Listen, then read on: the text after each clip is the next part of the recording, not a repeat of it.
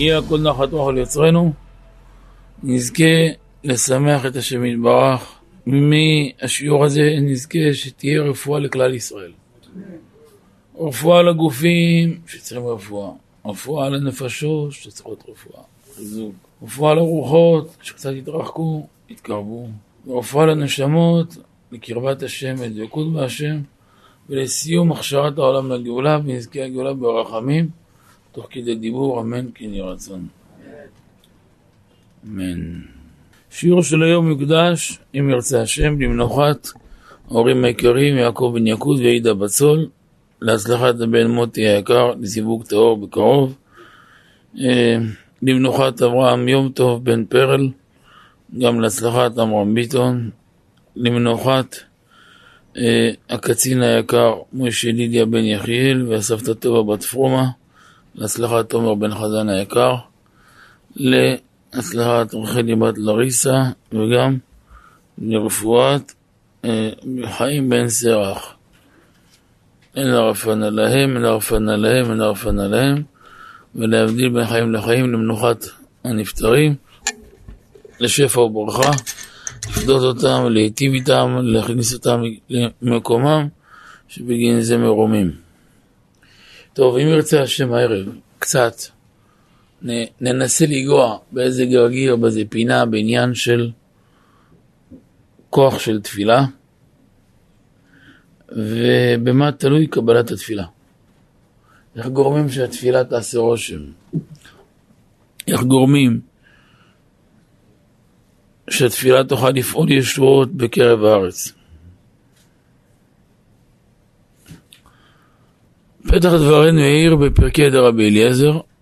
רבי אליעזר הגדול, למעשה, קודם כל עצם היותו תנא, ותנא חשוב, קדום, מרבותיו של רבי עקיבא. למעשה זה שושלת גדולה מאוד, מאוד מאוד גדולה שיצאה משם. אפשר לומר, כל התורה שבעל פה יצאה ממנו. העיד על עצמו שתי זרועותיו, שתי ספרי תורה, וכל כולו אלוקות. והכיס של רבן גמליאל. אחותו הייתה נשואה רבן גמליאל הנשיא. הוא קיבל מרבן יוחנן בן זכאי. בשיעור זוגיות הסברנו שבתוך שלושת הנשיאות של הלל הייתה הפסקה קצרצרה של כמה שנים, בתקופה הכבדה של, שסמוכה לחורבן לפניו, שהעם עבר משבר גדול. אז רבן יוחנן בן זכאי לקח את ההנהגה, האיר את האפלה, האיר באלף, אור, ואחרי שהוא העיר את האפלה, הוא החזיר את ההנהגה לרבן גמליאל. ההנהגה הזאת, היא לא הייתה סתם הנהגה מאוד מאוד אלוקית, מאוד מיוחדת. דווקא בגין זה הוא זכה שהדברים שלו עשו הרבה הרבה רושם בעם. והדברים שלו פעלו המון רושם, ותראו איזה עבודה עצמית הייתה לו. אחרי שהוא הגיע לשיא הגדולה והתפארת, לפי החשבון שעשינו אז זה היה בשנות המאה ה-18 ו-17 שלו, הוא עזב את המלכות שלו, את ההנהגה, את הנשיאות, נתן לרבן גמליאל את מלוא הקרדיט, וכדי שלא יצמצם אותו, עבר דירה. לאיפה עבר דירה? ברור חיל. איפה זה ברור חיל? מטר אחרי שדרות, נכון? אחר רבן יוחנן בן זכאי לברור חיל. זה מיד אחרי שדרות, שם היום אולם ארבע עונות, שם קיבוץ יפה, שם גר התנא הקדוש הזה. ולמה הוא בא לכאן, למקום כזה רחוק בדרום? כדי שרמן גמליאל יוכל לנהוג את נשיאותו ברמים. הוא זכה להעמיד תלמיד כל כך חשוב, שזה רבי אליעזר הגדול, שהיה שקול כנגד כל חכמי ישראל. ורבי אליעזר זכה להעמיד את רבי עקיבא. רבי עקיבא יצאו ממנו חמישה נטיות. היה 24 אלף, אבל לא נשאר מהם כלום. בשביל חמש נטיות האלו, יצא מהם, לומר, כל התורה של כל התורה שבעל פה, וזה יצא, כל זה יוצא מהשושלת של התורה של רבי אליעזר הגדול. תראו איזה לשון נפלאה. רבי יהודה אומר, עשרים שנה הייתה רבקה עקרה. לאחר עשרים שנה לקחה יצחק והלך עמה להר מוריה, למקום שנעקד שם. והתפלל על ההיריון ויעצר לו, שנאמר ויתר יצחק לאדוני, ותא רבקה אשתו. לפעמים, הקדוש ברוך הוא מזכה זוג, מיד עם תחילת חייהם, הם זוכים כבר לברכה, עוד לא מתעשתת מהחתונה, חודש, חודשיים, כבר זוכה להיריון, זה נראה טבעי, בלי הנאה ועוד אחד ועוד אחד, עד שלפעמים צועקת כבר עשינו. זה גם לפעמים, לפעמים משוועת ושום דבר, וכל חודש ציפייה ומתאכזבת, והכל קיים בעולם. הדברים האלו, לזכות לילדים ולזכות לזרע קודש, ולא סתם ילדים. זה לא עדר של עיזים ולא כבשים, זה נשמות, לא העיקר להביא אותם, איך מביאים אותם, באיזה קדושה, באיזה יראת שמיים, באיזה יראת חטא, באיזה כובד ראש, איזה דבקות יהיה להם מהשם. תראו בכתבי הארי, בשער המצוות, בראשית, בשמן ששון שם, והביאו מצוות פרו איזה כובד ראש צריך. זה כזה מובן לזכות לבנים שנאמר בהם טובי מראה, טובי מדע, טובי שכל, בנים אשר אין בהם כל מום, ואשר כוח בהם לעמוד בהיכל המלך, צדיקי אמת, מנהיגי הדור, גדולי ישראל, תלמידי חכמים, שוקדים בעולה של תורה.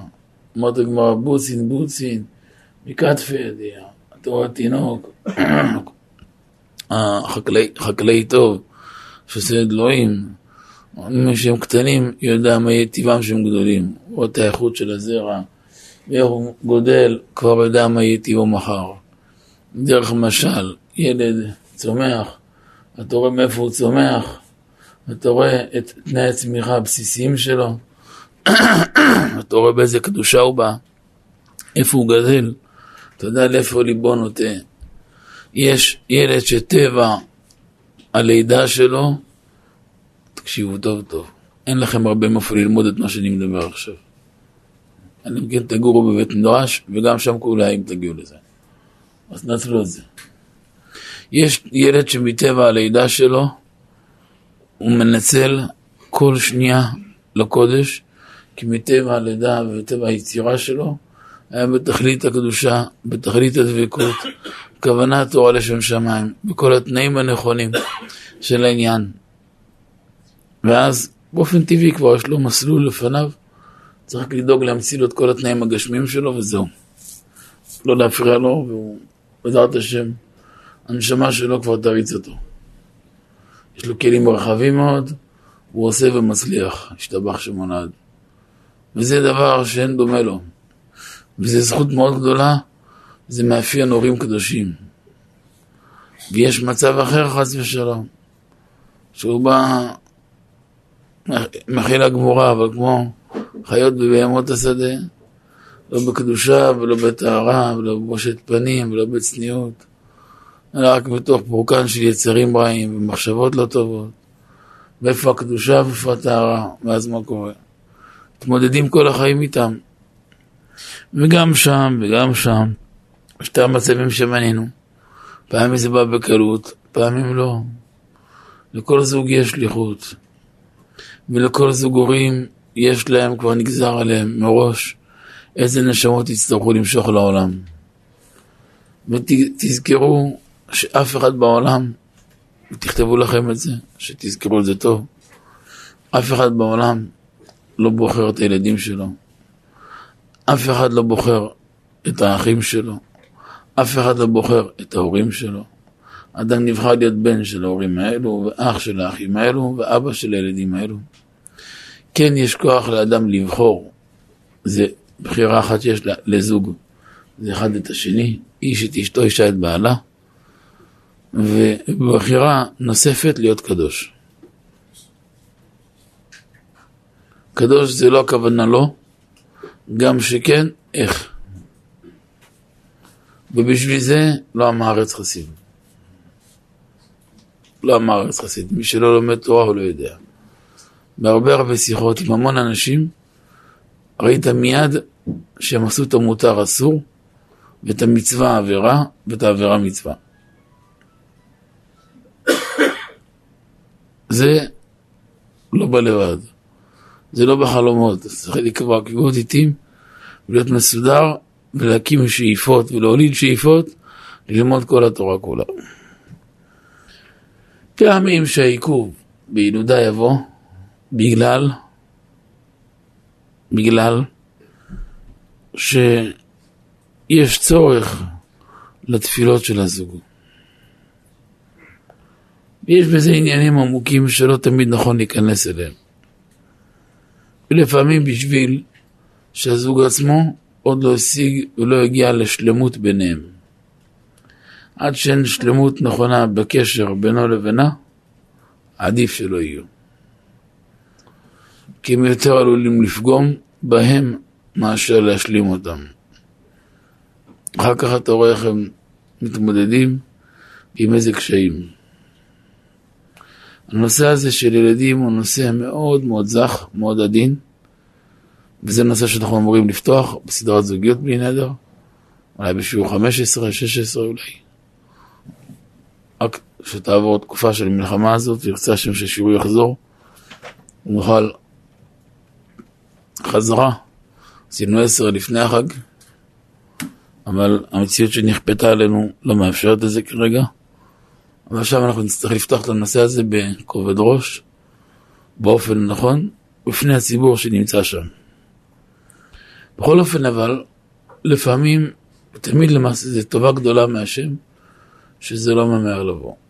גם שזה ממהר זה טובה גדולה, וזה טובה עוד יותר שזה לא ממהר, כאשר בני זוג יודעים איך נוהגים אחד עם השני, איך להכיל אחד את השני, בלי תנאים, איך לקבל אחד את השני נכון, ואיך להשקיע נכון.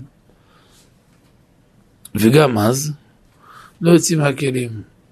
היום, שלושה ארבעה חודשים נשואים, חצי שנה, אם עוד לא משהו, כבר בדיקות. על פי ההלכה אסור לגשת לבדיקות לפני שנתיים. לא מתחילים את זה. הרבה פעמים ראינו זוגות שמהשבע ברכות האלו חוצים לילדים כאילו הם נשואים 40 שנה. אמרתי, מה קרה? תירגעו, מאיפה אתם?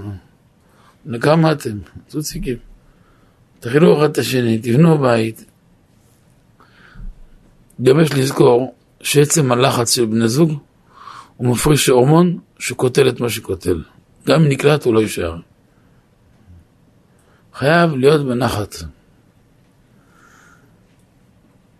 ואתה רואה שיצחק עשה פעולה מסיבית אחרי עשרים שנה. אז קודם כל הוא לא התייאש. כל עשרים שנה מה עשה? עמד והתפלל. על דרך קווה אדוני חזק ואמץ ליבך וקווה אדוני. קווה וקווה, קווה וקווה, קווה וקווה, קווה וקווה. קווה וקווה. הוא לא התייאש. גם לא לבד, ביחד, והיא, ביחד, קווה לשם, קווה וקווה. הם לא שחררו לרגע, הם התמידו בכל הכוח שלהם, בכוח התפילה שלהם. אחרי עשרים שנה, זה כבר פרק רציני, אז מותו צריך לעשות פעולה, נסע להר המוריה. רואים כאן איך ניגשים לדבר. איך ניגשים לדבר? בקבלה מבואר, והזכרנו את זה כמה פעמים בעבר, אין כוח ביד האדם לבחור נשמה. אבל אופן ההנהגה בקדושה כראוי יגרום לאיזה צלם מבורר יותר או פחות יהיה. דרך משל. תראו מה אני מחזיק ביד? כוס עם מים קרים. מי אמר שזה מים? אולי זה קולה. כל אחד יגיד, רואים, כוס שקופה. אי אפשר להתבלבל, נכון? אולי זה ערק, אולי. אני גם הייתי לא, לא, לא שותה את זה, אבל אף פעם לא... אולי זה איזה ספירט. עין רואה, כוס שקופה, כולם רואים, נכון? אבל אם זה הכוס, כמו של הלאימא באהבה החרסינה הזאת, מה זה? אתה לא יודע מה זה. אולי זה נס קפה, אולי זה קפה שחור, אולי זה דלק. אתה לא יודע מה זה. כי אתה לא יכול לראות מה יש שם. זה כוס וזה כוס, מה ההבדל? זאתי אטומה וזאתי שקופה.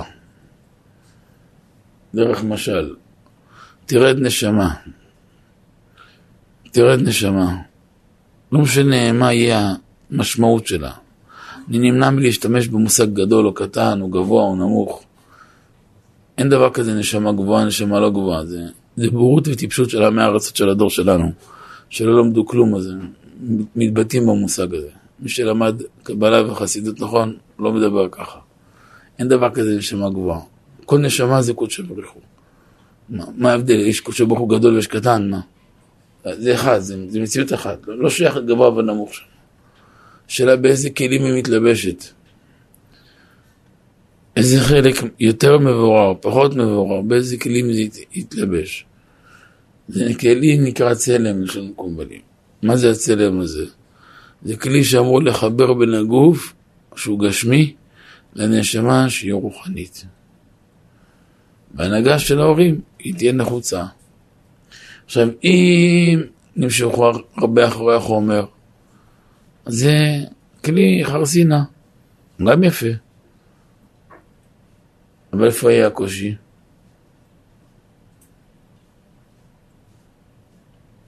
היציאה שלו מההלם אל הגילוי, הרבה יותר קשה. דרך משל, אם אני אקח איזה נורת לד מאוד חזקה, תראו איזה משל יפה. אם אני אקח נורת לד מאוד מאוד חזקה, ואני אשים אותה בתוך איזה כלי של זכוכית, איזה כוס יפה של קריסטל זכוכית שקוף. אני אסגור את זה גם בזכוכית של קריסטל יפה. אז קיבלתי כאשר זה לא כוס, זה נהיה כל זה מנורה חזקה שיש לה כוח להאיר את כל האולם. זה מאוד יפה. אבל אם אני אשים את הנורה החזקה והעוצמתית הזאת בתוך איזה כוס של חרסינה, ואני אאטום אותה בחרסינה, היא אמנם נורה מאוד חזקה, אבל אף אחד לא ידע מה זה. זה יהיה כמו עב"ם באמצע החדר, אף אחד לא יבין מה זה.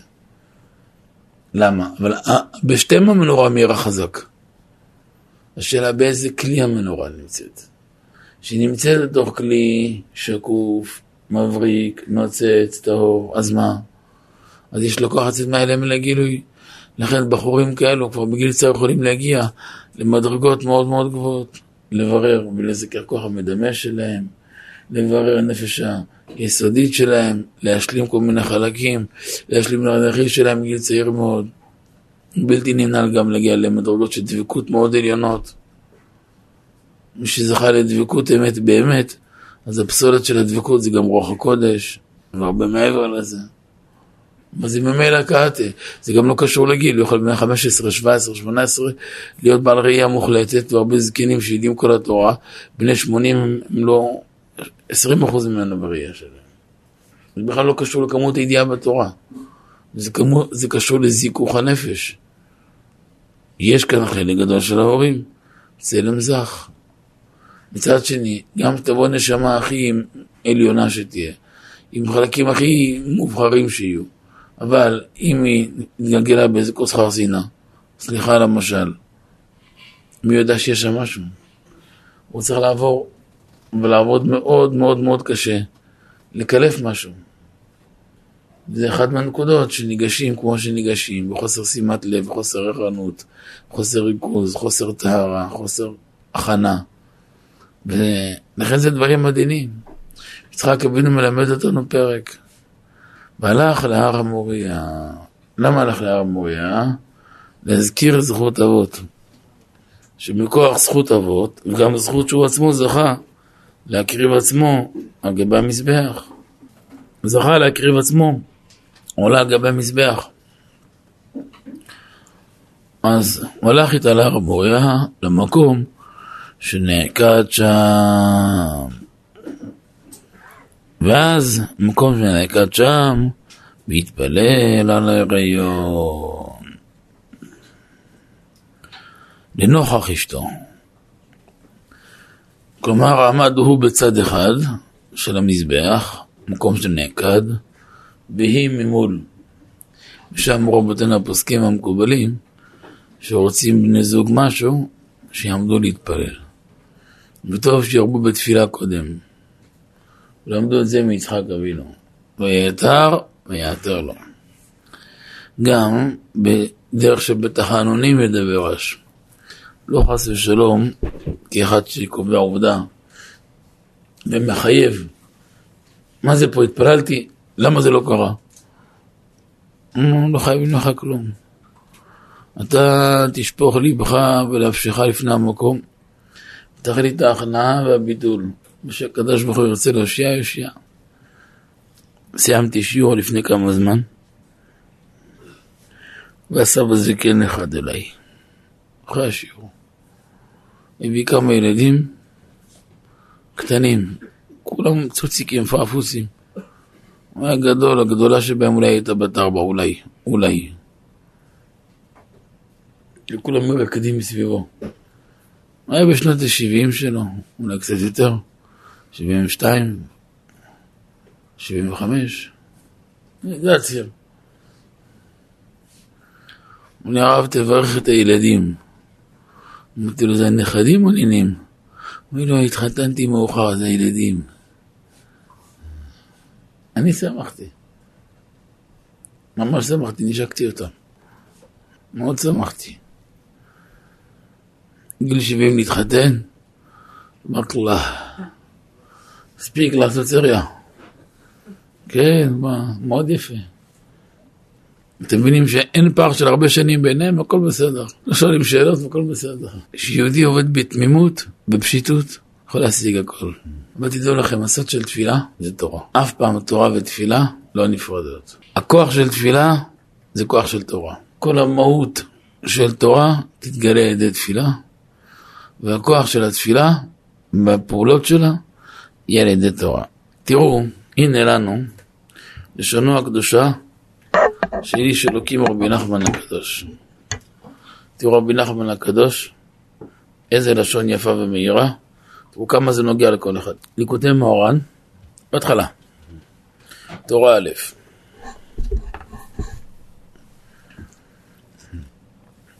דע, כי על ידי התורה נתקבלים כל התפילות וכל הבקשות. אה, שמעתי פעם מהרב הקדוש רבי בנימין זאב חיישין, זכר צדיק וקדוש לברכה. לפני 40 שנה אבא שלי למד אצלו ליכודי מוהר"ן, קצת יותר מ-40 אפילו, 45 שנה. בציר של 40-45, אבא למד אצלו. ואני שמעתי פעם אותו בשיעור. והוא אמר שיש קבלה ביד זקני החסידים, שכל תורה שרבי נחמן פותח בדע, אה, זה מסר ישיר מעולמות עליונים. ככה הוא אמר את זה. זה ממש גילוי של אלוקות ממש. כי על ידי התורה נתקבלים התפילות. האם מדרש תנחומה פרשת כי תבוא, סימן ד', גם גמרא תענית. חוני המעגל, מה הוא היה? היה בעל תפילה. מה זה מעולם? היו בעולם בעלי תורה ובעלי תפילה. בעל תורה הוא לא בעל תפילה. בעל תפילה בהכרח שהוא גם בעל תורה. עוד פעם, בעל תורה לא מחייב שהוא בעל תפילה. אבל בעל תפילה, בוודאי שהוא גם בעל תורה. אני אדבר במשל. מי שהוא מיליארדר, אפשר לקרוא לו גם מיליונר. אבל מי שמיליונר, לא בטוח שאפשר לקרוא לו מיליארדר. זה מושגים אחרים. מי שיש לו בשוטף, בעו"ש, 100 מיליארד דולר בחשבון, אז אפשר גם להתעסק איתו עם מיליונים, הוא אוכל את זה כסף קטן. אבל מי שאולי יש לו מיליון או שתיים בחשבון, הוא לא יכול להיקרא מיליארדר. זה ערכים אחרים. בעל תורה זה זה שיש לו מיליון בחשבון, מיליונים בחשבון. בעל תפילה זה מיליארדר. אי אפשר להיות בעל תפילה אם לא קדם לזה המון המון תורה. אבל תורה לשמה בטהרה. תורה לשמה בטהרה מתוך התרפקות וידיעת השם ודבקות אמת, השתפכות הלב והנפש. זה מושגים אחרים. מאז ומעולם ראית, גם בין התנאים הקדושים, קחו את העובדה של רבן יוחנן מזכאי, שהיה בעל תורה, שהבן שלו חלה, שלח לבי חנינא בן דוסה, חנינא בני יבקש עליו רחמים ויחיה. למדתי מה בחברות את הסוגיה הזאת לפני בערך עשרים שנה. חשבון פשוט שהוא עשה, שלמדנו, יצא שרבי חנינא בן דוסה היה בן חמש עשרה ורבי יוחנן בן זכאי היה בשנות המאה פלוס. אדם בן מאה, גדול הדור, מופלג, יש לו צרה בבית, פונה לבחור בן 15 שיעור א' ישיבה קטנה, מתחנן לפניו, תבקש עליו רחמים. ורבי חיים דקה אחת עושה ככה, מרכז את הראש שלו, מה, כן, הכל בסדר, ככה בשיא הפשטות. ותהום כל העיר, כולם מסתכלים. ורבי יוחנן בכלל לא, לא, לא, לא, לא מהרהר אחריו. אתה איך זה? חלה בנו של רבן גמליאל. תלכו, קחו כלל שילך איתכם בש"ס, כל חלה, חלה ונטע למוד, שכיב מרע, גוסס, בש"ס, כך למדנו מאבא. חלה בנו עוד פעם, גוסס. מה עושים? בחנינה בן דוסה. זה לא משנה בן כמה הוא. מי שבא על תפילה, זה לא משנה בכלל. צריך להכיר את הקודים. איך מוצא יכול להיות כמה ידע, אבל רצוי למרי. צריך כוח גדול. אותו דבר נהיה מעגל, חנן הנכבה, בא חלקיה, נכדיו. אותו דבר, גם, שתיהם מצאת אצלם בולט מאוד. היו בעלי תפילה. בהקדמה של זוהר הקדוש, אה, בלק, תראו במותוק מדבש, הביא עטרת ראשנו רבי דניאל, זכר צדיק לברכה. הוא הביא שם סוד גדול. הביא סוד גדול. אלו שזכו להיוולד עם נרן שלמים, הם באו עם כל חלקי התורה כבר מובנים בתוכם. וזה הסוד שמצאנו כמה כאלו, למשל, ינוקה דבלק, שמכיר למד זוהר כמה פעמים, אה, ינוקה דבלק זה היה בן של הרב אמנון הסבא, הוא היה בן ארבע שנים. הבאתי את זה בחלב הארץ, חלק א', פרק א', ענף ג', איחור קריאת שמע. סעיף ח' ירושם ממיתה בארץ. עניין של קריאת שמע בעונתה. למה אסור לאחר קריאת שמע? צוות את המעשה, מי הוא? תנאים קדושים, שיהיו עסוקים במצווה לאסוף להכנסת כלה, יתומה מסכנה לה, מי שידאג לה ולחתן מסכן. אז יום ולילה מחטטים רגלם לאסוף להם כל הצרכים שלהם. אז אה, לא שמו לב לזמן של קריאת שמע של שחרית, של תפילה. תוך עסוקים במצווה חשובה, עסוקים במצווה פטור מן המצווה. והגיעו לעיר שהרב אמנון הוא היה גדול הדור. זכו ללמוד תורה מפיו. אמרו, באנו למקום של השכינה, כנס אצל השכינה, לבית שלו. רבנית הכירה אותם, גדולי הדור היו. ממש גדולי הדור. תאר לך עכשיו, אתה יושב בבית, יש נקישות בדלת, אתה רואה רב מרדכי אליהו, רב עובדיה יוסף ורבי מלובביץ'. שלושתם באים אליך ושלושתם בדלת. מה זה, זה זכות, לתפד על הבית שלהם, תיכנסו בטח.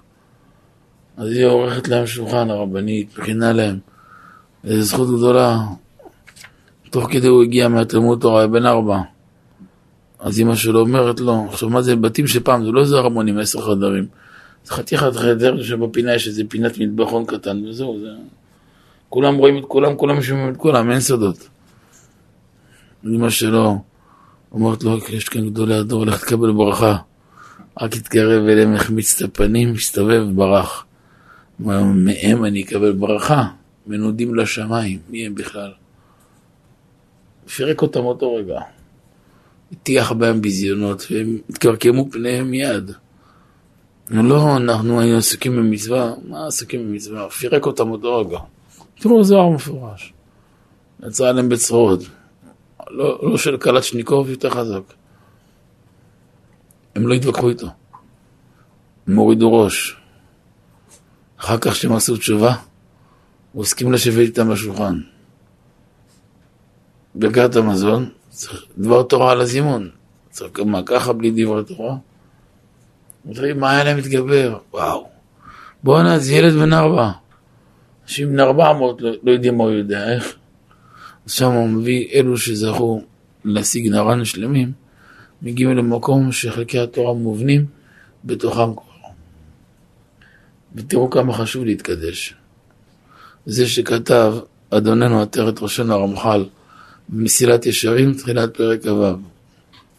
הקדושה, הראשיתה השתדלות, בשפה מתנה. קדושה בהתחלה היא צריכה השתדלות. מה זה השתדלות? מלחמה, מאבק. מה מאבק זה השתדלות? כן. ויאבק איש עמו, עוד שבועיים, בפרשת שבוע נראה, ויאבק איש עמו אדונות השחר, ויאבק, אומר התרגום, וישתדל. השתדלות יחידה בתנ"ך. כמו, תראו ברד"ק, רבי אברהם בן עזרא, כוס ודרדר, נהוד עצמך לך כוס ודרדר, והוא לבדו דר, אין עוד אחד בתנ"ך. אותו דבר, ויאבק, וישתדל, זה מקום יחיד. אז מה זה השתדלות? זה מאבק. קדושה ראשיתה השתדלות. אבל השפה מתנה. אחרי כמה שנים של מאבקים, חריקת שיניים, בסוף מקבלים מתנות. זה גם אחד ההבדלים המהותיים בין ענף הקדושה לקליפה. זה כדאי לכם להפנים. בקליפה, בצד של סטרה אחרא, אה, מהר מאוד מגיעים למדרגות.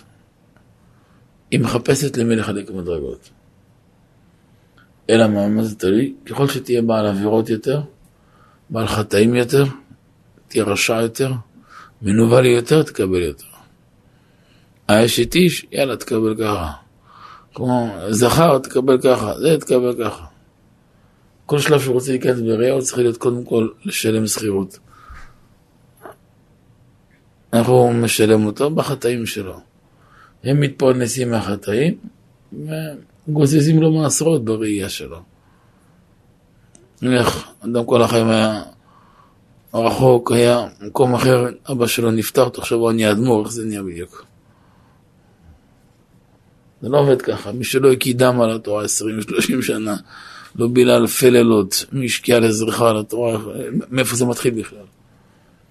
שלא פירק דיבור אחרי דיבור, דף אחרי דף בש"ס, בבלי, ירושלמי, טור, בית יוסף, רמב"ם, שולחן ערוך, ריף, עבוד הרבי נתן, מסכתות קטנות, אה, אה, מסכתות אה, שאר רבותינו לפחות, עמוד ההוראה, אחר כך קבלה, וגם שם ללמוד נכון, ועם מי ללמוד, ממי לקבל, אחר כך כתבים פנימיים יותר.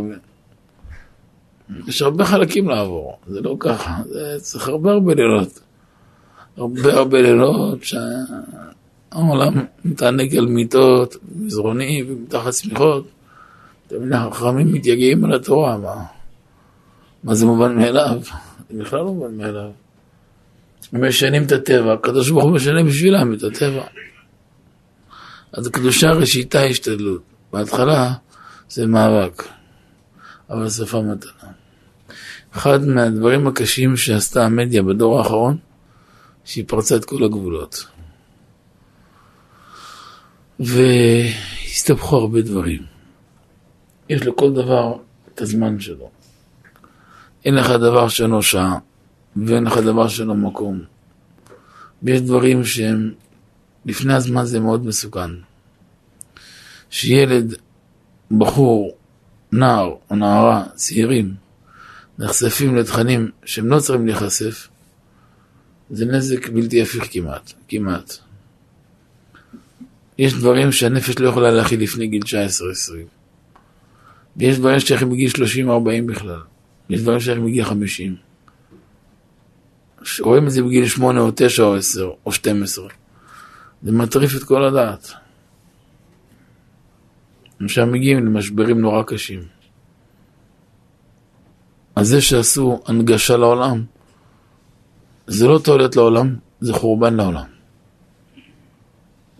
איך אמרו בש"ס, אם השם הצניע, למה גילית? השם כיסה, למה פתחת?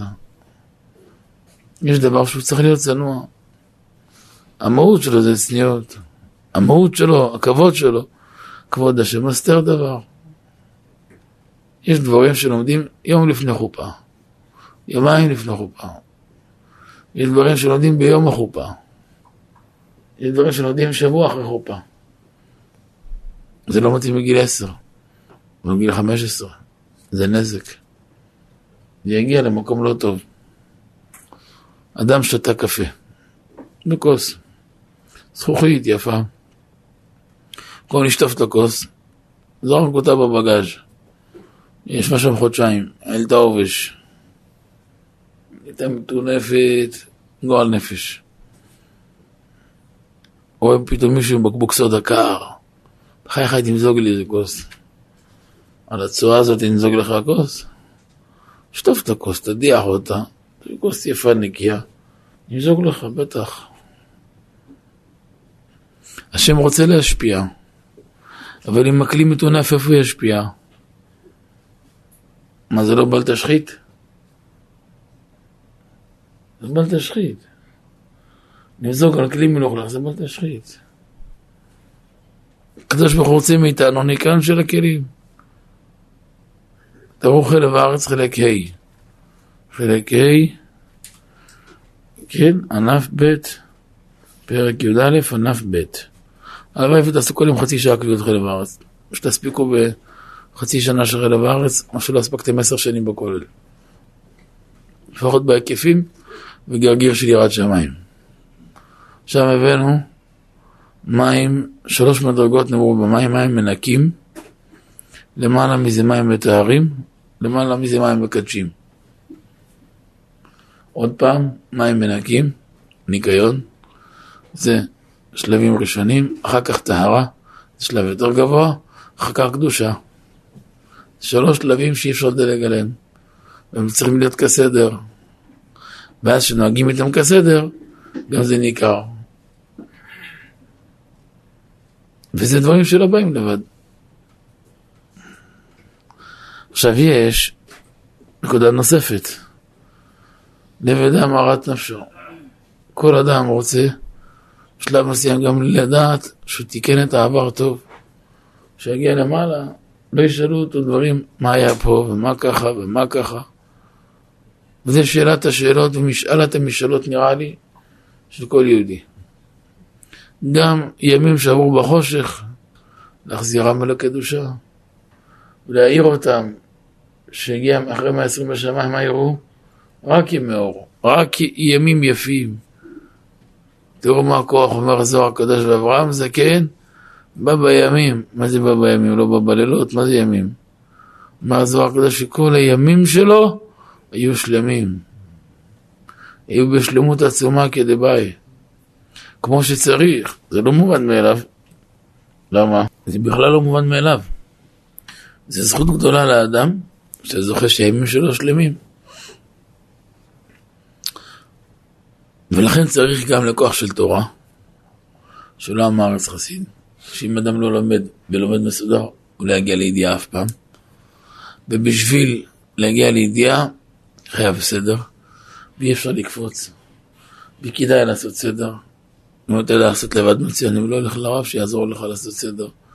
הרב, אני יכול לפנות שעתיים בבוקר, באשמורת. אני יכול לפנות שעה בערב, שעתיים בערב. איזה סדר נעשה? שלב ראשון. מתחילים לבנות סדר. יש גם סדרים של לימוד בעומק עם חברותה, או עם הרב, בשיעור מסודר. ויש דברים גם שיכול לבד לעשות. רק קצת, ועוד קצת, טיפין ועוד טיפין. יש דברים שמתאים לכל השבת, יש דברים שמתאים לשבת. ולמועדים, ולכל מיני זמנים מיוחדים. אבל האדם לא מתרוקן מהעולם. תראו בזוהר, בכמה מקומות, עטרת ראשון רבי אברהם אזולאי בחסד לאברהם, וכמה וכמה ספרים מקובלים. כמה שהעריכו שאדם לא יהיה במקום שכל החיים רודף אחרי הפרנסה שלו. אל תיתן לגנב הזה שנקרא זרה ללכלך אותך כל היום בטרדה הזאת. אתה יכול להקציב לזה כמה שעות ביום, ברכה. זה בידי שמיים. השאר תן לקדוש ברוך הוא שינווט. אבל אי אפשר להתעלם מזה, אי אפשר לברוח מזה, זה צורך, אבל אי אפשר גם שזה ייקח לנו את החיים. לא יכול להיות שזה תהיה טרדת הטרדות שלנו, ויעברו ימים כל כך יקרים, שזה עיקר תכלית האדם בעולם, ויצא מרוקן מהעולם. אם נחת העני שאין ידו משגת, מתי הוא יקנה נפש שלמה, ורוח שלמה ונשמה שלמה? מה זה כזה מובן מאליו? תראו רבנו ארי שער הגלגולים, הקדמה א', הקדמה ב', רוב העולם אין להם אלא נפש. מאן דחר שמלו רוח לא נשמה, ולא נפש שלמה, אלא פחות שבנפש. חלקיקים מהנפש. נפש לבד יש בה 25 חלקים, אתם יודעים? זה 25 כפול 3. כי זה 25 די עיבור, די ניקה, די מוחין. אבל נקרא לזה 25, לא? לא נשבור אף אחד בדרך. אם אדם לא יעבוד על זה, זה לא יעבוד לבד. עבודה מסיבית אפשר לעשות לכל, אפשר הכל לסדר. עיקר העיקרים לשואלים איך, אתם רוצים בראשי פרקים, אה, דקדוק כל מעשיו לשם שמיים ממש, להשתדל בלי שום פנייה, רק לעשות נחת אוכל יוצרנו, זהירות מכל נדנות של עבירה קלה, מדאורייתא מדרבנן דברי סופרים, כל רגע פנוי, רגע כממרה, גרסה בתורה לשם שמיים, ודקדוק בקיום המצוות. כמאמרם, בהתעוררות אלה והנפש, ואחרון חביב תפילה בדבקות, במקסימום שיכול. תתפסו את החמש האלו, בואו נראה שלוש שנים רק. אתם תתפסו נפש ורוח. אם תעמדו נכון בטח. בקל, בחמש כללים האלו, אבל טוב. אבל אי אפשר להסיח דעת. וכמה שאדם יהיה לגבוה, הוא יתנסה בניסיונות קשים יותר, אכזרים, מפרקים, ואתה תהיה גיבור ולא תיפול. אבל אם אדם לקח את עצמו לאדם, זה לא יהיה לבד. ומכת המכות, תרדה של הפרנסה. זה תעתוע של דמיון, של טיפשות, סליחה על המילה, של טיפשות, כמעט פיגור, שתוקע את רוב העולם. אתה בטוח שאתה חי מחר, כן בטח, מה קרה לך? אפילו לו פגישה בבנק. אתה בטוח שתחיה, ואתה לא בטוח שמי שייתן לך חיים, הוא ייתן לך פרנסה. איפה אתה? איפה האמונה שלך? מה זה יהיה יבחיה מזונה? צריך כלי, כן, שיהיה כלי כהלכה. יש לך עסק, אתה שכיר, אתה עושה מלאכה מסוימת, זה ברכה משהו שהוא נתן לך ברכה מצוין. העיקר שיהיה כלי כהלכה. תקבע את הזמן שלו, את הכלים שלו, את הזמן, וזהו. מעבר לזה לא קשור אלינו, זה, כבר, זה לא שלנו בכלל. הגיע זמן תפילה, אף אחד לא יכול לעמוד בדרך. זמן תפילה, זמן שיעור, זהו, זמן שיעור. אמרתי את זה לפני חמש שנים באשדוד. יום שני בשיעור. שמע אותי יהודי אחד מהשיעור, ושם נראה שיעור גדול. זה עם הרבה אנשים מהם פרות יוסף. היה יותר יום איזה 600, 500, 700 איש היה. שמע אותי יהודי בקהל. והוא החליט שהוא מוסר נפש על הדבר הזה. הוא היה לו חנות מאוד גדולה, אני חושב, בתל אביב, בראשון, של קרמיקה, של כל מיני... כל הפורצלנים, כל הדברים האלו. מקלחונים, אה, כל האביזרים האלו של המטבח, כל העניינים האלו של הבית. חנות מאוד גדולה היום. עשר אולי עשרים עובדים שם. עסק גדול מאוד. ותמיד היה עובד לאין הרעש, היה מוכר כמויות עצומות, סכומי עתק. לא יודע, פתאום עברו ימים, כמה ימים אחרי, כאילו, נסגרו כל הדלתות. יום ועוד יום, שבוע ועוד שבוע, הזמנה נכנסת. היו עושים 20-30 הזמנות ביום, פתאום אחד לא נכנס ביום. עד שכבר מישהו בא, מתווכח על המחיר, בסוף לא סוגר עסקה. ככה עברו עליו שלושה חודשים. שתבין, שלושה חודשים לא הכניס שקל. הוא יודע שהוא צריך איקס מאות אלפים רק בשביל ספקים ומשכורות. זה לפני פינוק. קח שכירות של המקום, וארנונה, וחשמל, ועובדים, ומשאיות, ודלקים, וספקים נוספים כאלו ואחרים, ומשכורות של עובדים, והוצאות מדינה, ומיסוי, והרבה כסף. יום, שבוע, שבועיים, תעסיק את העובדים, שינקו את החנות, שינקו את האבק, שיחליפו מקום. יאללה, נו, מה? חודשיים רואה את העובדים, טוחנים מים. שמע, הלב נקרע. עד שהוא הגיע להחלטה, הגיע להחלטה, בוא נראה מה יהיה. אם לא ייגמר החודש טוב, אז יאלץ אולי לסגור, אולי... אבל הוא החליט שמשהו לא יהיה, גם צריך לסגור את העסק.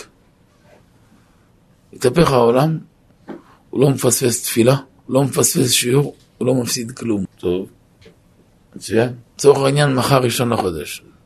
30 לחודש, מחכה מהבוקר, וידע לצורך העניין, מבחינתו מחר צריך לדווח מספרים כאלו וכאלו אחרת. גירעון קשה מאוד. גם, יודע משכורות, יש לו עובדים, יש ככה, יש ככה, יש ככה.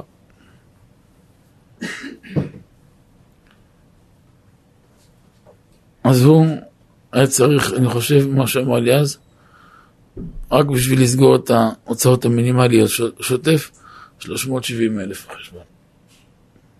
לא קצת. תגיד 100 אלף דולר. לא, לא ברגל לכל אחד. ולא יודע מה הוא עושה. בחר טוב בחמש, התהפך העולם, העסק סגור אז, שעון קיץ. זה הזמן שלו לצאת למנחה, לשיעור, עד ערבית. ערבית, יש לו את השלוש שעות של קודש, שלא מזיז אותם. אה, ברבע לחמש, מקבל טלפון. קבלן אחד. מבחינתו כבר שולח שולח כל העובדים, אוקיי, זה שלא הלכו כי יש עוד רבע שעה כאילו, אבל עוד רבע שעה להשתעמם בחנות, כי אין כלום. תגיד לי, פלוני, יש לך זה? כן, דווקא ברוך השם, כן. מה עם זה? כן. מה עם זה? כן, טה, טה, טה, טה. שש, שבע דקות שיחה, סגר הזמנה. אבל הזמנה. אומר לו, שמע, עשיתי סיבוב בכך וכך מקומות, אף אחד לא מחזיק. אם אתה מחזיק, אמר לו, אני מעביר לך קש עכשיו, רק תספק לי את זה הערב. אמר לו, בסדר. אבל זה יהיה מהלך הלילה, עכשיו מנחה, שיעור, גם אם זה עד שש בבוקר זה בסדר. לא סגור. הביאו לו מיד 450 אלף שקל לחשבון. הוא כיסה כל ההוצאות שלו, המשכורות, הספקים, ואחרי הכל נשאר עם עוד 70-80 אלף שקל בראש. אז כל החודש הוא לא עבד, יכל לשבת בכולל, לפתח ברבע לחמש, לעשות את העבודה הזאת. והוא בא סיפר לי ככה. אתה מבין שפרנסה לא תלויה בכמות שעות עבודה, היא תלויה יש ברכה, אין ברכה. וזה תלוי, אני אגיד לכם, עיקר וטפל. איפה הראש שלך תפוס? כשהראש שלך תפוס בעיקר, הכל יזרום. כשהראש עסוק בטפל, כלום לא ילך. ולא כדאי לעשות מעיקר טפל ולא מטפל עיקר. אז אני חוזר לעניין. כי על ידי התורה נתקבלים התפילות. אתה רוצה שתפילה תפעל רושם? לפקוד את ההכרה, למשוך פרנסה, וזה צריך זיווג לבן, וזיווג לבת. ויהודי הוא צריך רפואה, ואלמוני צריך ברכה, ופלוני הסתבך בכמה דברים וקשה לו קצת, ואלמוני קצת קשה לפרנסה. צריך לפעול ישועות. אתה רוצה עכשיו להתפעל תפילה שתפעל ישועות? לפני כן, יושב תלמד תורה כמה שעות. שעה, שעתיים, שלוש. תשאיר את הטלפון שינגן באוטו, נתק את העולם ממנו. לך, תשתחרר, תיכנס לעולמה של תורה. ותראה איך התורה פועלת ישועות בקרב הארץ. אחרי שישבת בשיעור שעה, שעתיים, שלוש, תפוס פינה, תעצום עיניים, תבקש מהקדוש ברוך הוא בקשה אחת. אחרי כל שיעור תבקש בקשה אחת, לא יותר, אבל אחת, אבל אחת, אבל עם כל הלב. ואז תראה איזה יופי. על ידי התורה נתקבלים התפילות. כמו שאמרו במדרש, על הוני המעגל, בשעה שנצטרכו ישראל לגשמים. מתאים לתקופה הזאת, כבר כסלו, ולא ירדו גשמים. נתכנסו אצלו חכמי ישראל. אמרו לו, התפלל עלינו, שאנחנו צריכים למטר. מיד העגוגה ועמד בתוכה, לקיים שנאמר בחבקוק, על משמרתי אעמודה. הוא היה לא סתם חכם, אלא כבן בית לפני המקום ברוך הוא. היה מצוי מאוד. איך שלח לו שמעון משטח, נשיא הדור. אלמלא חוני אתה, גוזרני עליך נידוי. אבל מה נעשה שאתה מתחטא לפני המקום? כבן בית, כמו איזה תינוק שמתפנק על אבא שלו, ואבא שלו עושה לו רצונו. אבא זה חיכה 60 שנה להיקלט. עד שבא הילד הזה אחרי 60 שנה יפנק אותו. הרחב פיך ועמלו, רק אבא כן, אבא כן, אבא כן, יאללה, כל היום. כמו כרטיס אשראי מעליך אבא הזה. העולם אומר שאחרי שמחתנים את הילדים, אומרים על תקן בנק או כרטיס אשראי של הילדים. גם לפני כן, אבל אז זה עוד יותר ניכר, כי אז זה בכפולות. לפני שהולכים לבדוק בבנק, הולכים קודם כל להורים. אחר כך, אם נצטרך גם להשלים בבנק, אבל בדרך כלל הם הבנק הראשון. יש אחד שהוא כל כך קרוב לשכינה, השכינה עושה לו רצונו, השתבח שמו. התחילו גשמים מנטפים. אמר לו, לא כך שאלתי, זה לא מה שאני ביקשתי, מה זה פה, זה לא... ככה ישר במקום הוא מדבר על זה כמו שם בגמרא. אותו חכם היה גומר את הסדר בבית מדרש בישיבה, היה לו גם חקלאות, צריך להתפרנס. היה עושה סיבוב בשטח, ריבונו של עולם, האם ישרה בעם היה? היה לה בעם היה.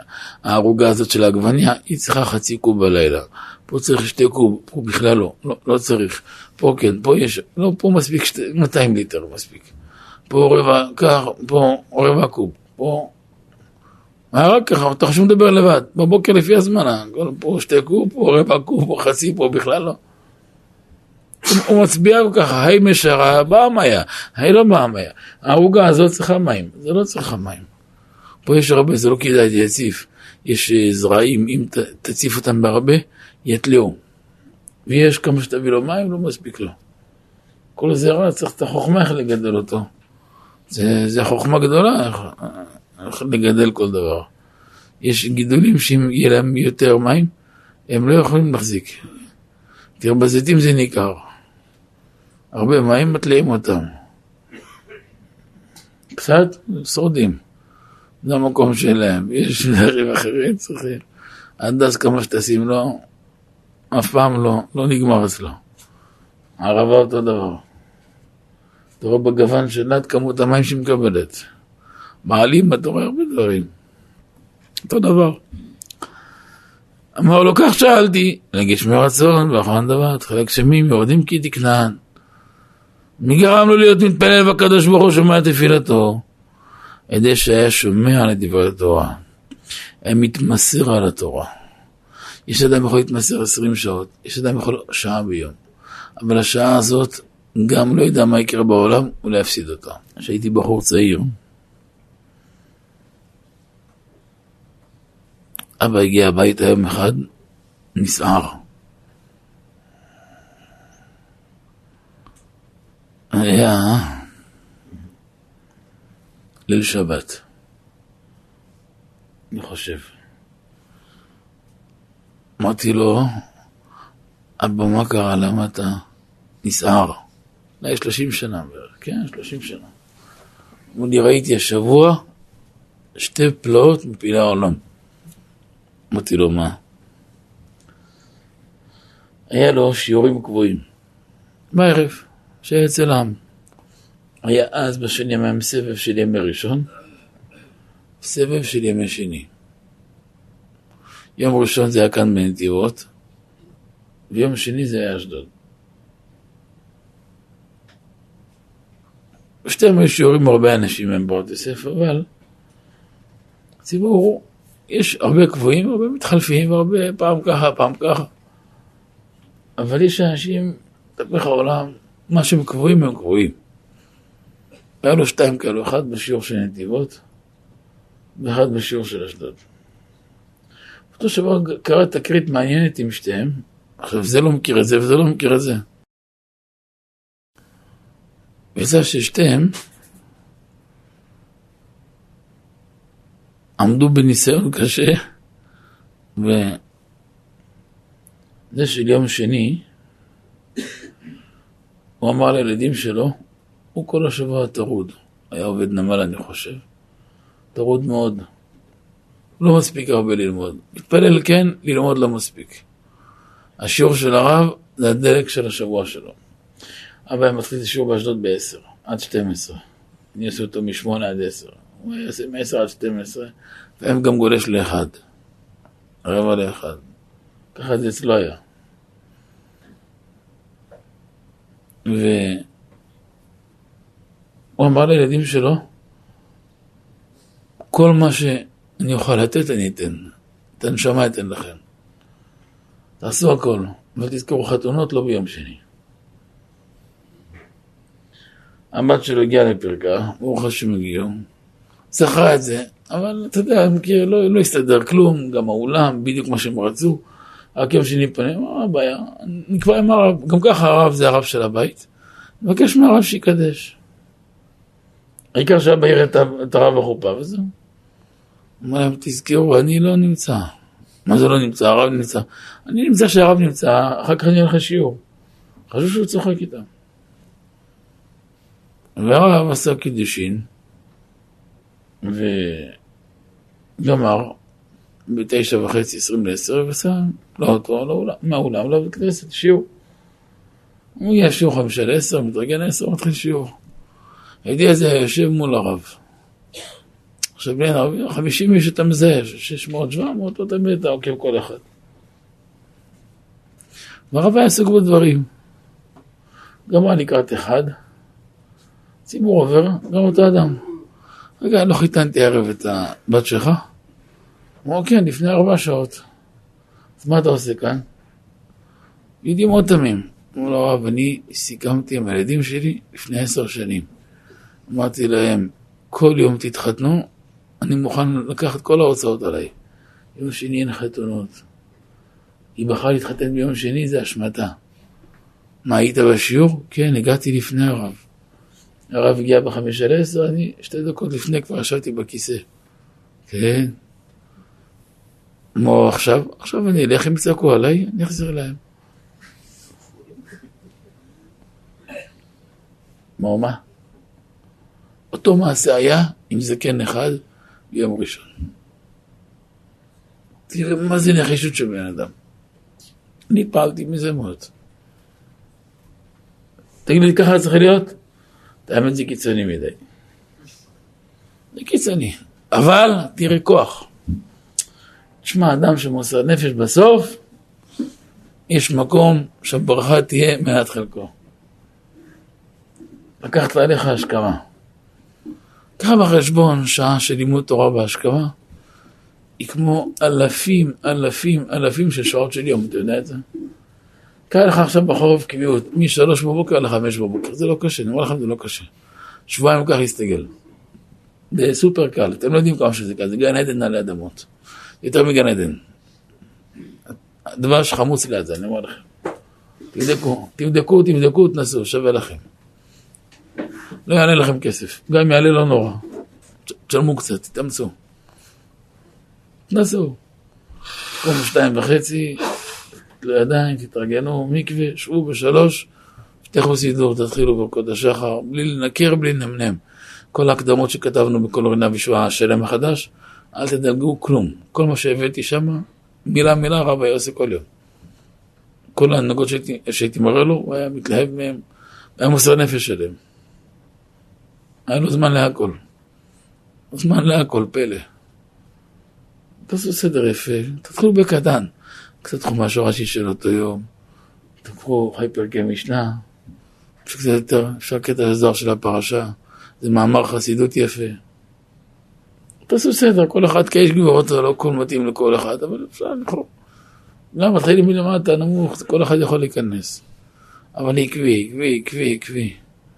שחרית בנץ, חוק לישראל, תפילין ראשי רבנותה, קפל צא לדרך. פתחת את הבוקר בשלוש-ארבע שעות, עד שאנשים פותחים את העיניים בשבע, אתה כבר ארבע שעות בעבודת השם. אתה מבין שבאחד בצהריים אתה כבר עשר שעות בעבודת השם, בוא הנה. אנשים ארבע-חמש שעות בפעולה, אתה כבר עשר שעות, זה סוף יום כבר אצלך. אבל ככה אדם מתאבד, תפוס את זה במסירות נפש. אתה תגיע למקום שלא הגיעו בו אלפים, אלפים, אלפים. הרבה אברכים שקמים בשבע ושמונה לא יעשו שלושים שנה, אתה תעשה בשנתיים. זה פשוט מאוד. ואני תפילתי לך, אדוני את רצון. אומרת הגמרא בכלל, די כשעה שהיא של רצון, ויש שעה שאינה של רצון.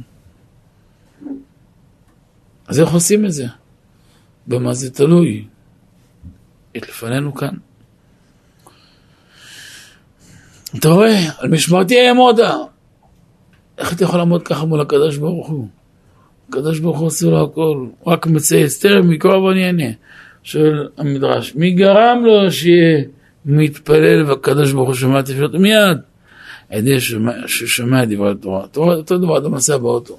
הוא ישמע חדשות, רשת ב', גלי צה"ל, ערוץ זה, ערוץ זה, אחד... עזוב, מה צריך את הסבלה הזאת? מה היא לומדת לנו משהו אחד טוב למוח? שים שיעור של הרב, מסודר, תן לו. שיכה בך, שייתן בך דרך, שיטבע בך חותם של אמת, של קדושה, של שכינה. גם אל תרוץ בין הרבנים, מסיבה אחת, כי אתה תאבד הכל. תהיה טוב מיונז טוב, ביחד לא הולך, לא מערבבים טעמים. יינן טוב יודע לא מערבבים מנות. כל יין יש טעם שלו. אלו שמערבבים כל פעם משהו, הם יוצאים ריקים מהכל מבולבלים והכל אף פעם לא יודעים להכריע. אין להם דרך. אין להם דרך. דרך זה אחת. דרך זה אחת, לך למקום שתקנה דרך. מקום שיהיה לך קשה לעמוד בו. מציב לך רף שאתה חייב להתאמץ. אתם יודעים למה? אני אגיד לכם סוד. זה סוד של החיים וכדאי לכם אפילו לכתוב אותו. לכל אדם יש בחיים גם ימים יפים וימים פחות יפים. יש ימים מאוד מהירים, יש ימים שהכל זורם, יש ימים שהכל קשה. יש ימים שהכל תקוע. יש ימים שהכל, הכל, הכל כבד. הכל כבד. הכל תקוע. אתם יודעים מתי האדם גודל באמת? מתי האדם מתפתח? רק בזמן אחד. זמן אחד בלבד, בלבד בחיים, אדם גדל, צומח ומתפתח, רק בימים ושעות של קושי. כל הימים והשעות שקל לו, זה סוג של בזבוז זמן. אני לא אומר בזבוז זמן, כי צריך גם קצת לנוח לפעמים, כאילו, לנוח מהצרות. אבל הימים של הקושי, זה הימים בפועל בפועל של הצמיחה. העולם קורא לזה כאבי גדילה. אז שזה יבוא למול ימי הנעורים, זה יבוא למשהו אחד, וזה יבוא אצל אנשים מבוגרים ובעלי משפחות, אז זה יבוא בעוד הרבה אופנים. זה כוח גדול. תדעו לכם, זה כוח גדול. אפילו גדול מאוד. מאוד מאוד גדול. מהמקום הזה, מי שמבין אותו, הוא יבין שרק ימים של התמודדות זה ימים שאדם מתפתח. וזה מאוד חשוב לדעת את זה. כשאדם יודע הדבר הזה, הוא ייגש לכל הנושא הזה לגמרי אחרת. הוא ייגש בשמחה לדברים האלו, ואדם יראה שהימים שהוא מתפתח זה רק הימים של הקושי. לפעמים הקושי יבוא מהבית, לפעמים גם בינו לבין עצמו. הכל טוב, אישה נפלאה, ילדים נפלאים, בעזרת שפרנסה בסדר, הכל חי. אבל לא טוב לו כמה נקודות. הוא מתחפר עם עצמו, והעבר, וההווה, והעתיד. עושה בסחרחורת שלא מוציא ידיים ורגליים. לך אצל החכם, רופא נפש טוב, שידע להעמיק איתך ולא יוותר לך. אחד, מאידך יתווה איתך דרך. ינבר אותך, אבל לזה אין מחיר. כי מה שהוא יעשה איתך, אף אחד יעשה איתך. ותזכרו שימי העלייה של האדם, והעמידה של האדם והתקדמות זה רק ימים של קושי.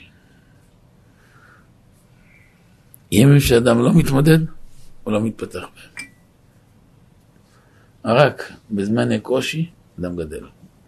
אולי נדייק את לשוני, עיקר הצמיחה והגדילה של מערכת, או של משפחה, או של אדם, זה דווקא בזמן הקושי. בזמן קושי אדם מוציא את הכוחות החבויים מהאלם אל הגילוי וכל הלא צפון ולא צפוי נשפך על השולחן. כשהקדוש ברוך הוא מלמטה מה שהוא עושה, פותח לו מלמעלה. אדם טיפש, בכל מקום יאייב לאשתו. זה טיפש גדול. אדם חכם, רק יפרגן לה. גם לא ידע מה היא תעשה, רק תשבח אותה וזהו. אל תעיר לה על כלום, כלום, כלום. בדור שלנו, אל תעיר לה. תשמעו מה אני אומר לכם, אני מוכן לחלוק על כל העולם בדבר הזה. אל תעיר לה על כלום. ואם אתה ממש חייב להעיר לה, מתוך כל אלפיים מחמאות לה הערה אחת. וכי הערה באלף, לא בעין. באגב. כל מה שאתה רוצה להעיר לה, תדרוש מעצמך. תשקיע בעצמך את המקסימום של הרוחניות, ותראה ברגע שאתה תדע לעבוד נכון איתה, ותפרגן לה נכון, תשבח אותה, ותרומם אותה, ותשמח אותה, ולא תצמצם אותה בכלום, כלום, כלום. אל תצמצם אותה בכלום, תראה שהכל ייפתח לך. הכל ייפתח לך. אנשים טיפשים מתווכחים איתה, רבים איתה. הם לא מבינים שכל דמעה שלה יכולה להרוג אותם. לא לסגור להם דלת, להרוג אותם. לסגור להם אלף דלתות. למה זה דומה? כמו אדם שבונה בניין, יהיה לפני חנקות הבית, שולח טיל, מוריד את הבניין. טיפש, עכשיו גם יש להם משכנתה וגם אין, אין, אין מקור הכנסה. זה מה שהם עושים, לכן כל היום חיים בהתחפרות. דברים פשוטים מאוד, אחרי הכל זה אישה, כמה שהיא תהיה כישרונית, מה, מה היא, אישה אחר הכל. אישה זה מוגבלות של אישה, זה גוף של אישה, זה נפש של אישה, זה רוח של אישה, זה, נפ... זה, זה מוח אחר, זה, זה מציאות אחרת. שתהיה, איזה, גם תהיה גלגול של איינשטיין, מה, מה, מה יכול להיות בה? אישה זה סדנה, זה הערכה דומה, מה יכול להיות בה? מצד שני יש לה מעלות שאין לאף אחד. וכל אחד צריך לדעת למקום שלו. כשאדם מכיר המקום, חוסכים תקלות. אבל מצד שני אני אגיד לכם, אם תשאלו אותי, תביא לי עכשיו ברכה של מאה גדולי ישראל. או ברכה ששת נאורים תברך את בעלה מכל הלב. את האמת אני אגיד לכם, לא בשביל לפגוע, אני אעריך את הברכה שאישה תברך את בעלה מכל הלב, יותר ממאה גדולי ישראל, מחילה. לא מזלזל באף אחד, אני מצע תחת כל, כל תלמידי חכמים וצדיקים, אבק תחת הרגליים שלהם, אפילו אחרי אני מאמין בברכה שאישה תברך את בעלה מכל הלב, אחרי שהוא שימח אותה באמת לשם שמיים, בעיניי הברכה שלה שקולה כמו 200 אדמו"רים שיברכו אותי. אני לא מזלזל, אם עכשיו יבואו 200 אדמו"רים לברך אותי, אני אגיד להם אמן, בסדר, אמן, כל הכבוד. וכן לאמור, אם אשתי תברך אותי, אני אעשה אמן גדול. למה זה שווה כנגד הכל? כי השורש שלו, היא בענף שלו, היא במקום שלו, היא נוגעת ישר בשורש. תרצה לא תרצה, אתם באים באותה נקודה. מי שלמד זוהר יותר מבין מה אמרתי. מי שלא, לא נורא, גם טוב. בשביל לעשות את הזיווג זה מאוד פשוט. לכן לא מחליפים טעמים, לא מתווכחים איתה, תכבד אותה. היא לא צריכה להיות גדול הדור, היא אמרה לך, זה לא משה רבנו, היא אחרי כל אישה. כל, גם אל תשכח מידע, כל אחר עצת אשתו נפל בגיהנום. אז מה נעשה? צריך בחוכמה לדעת את המקום.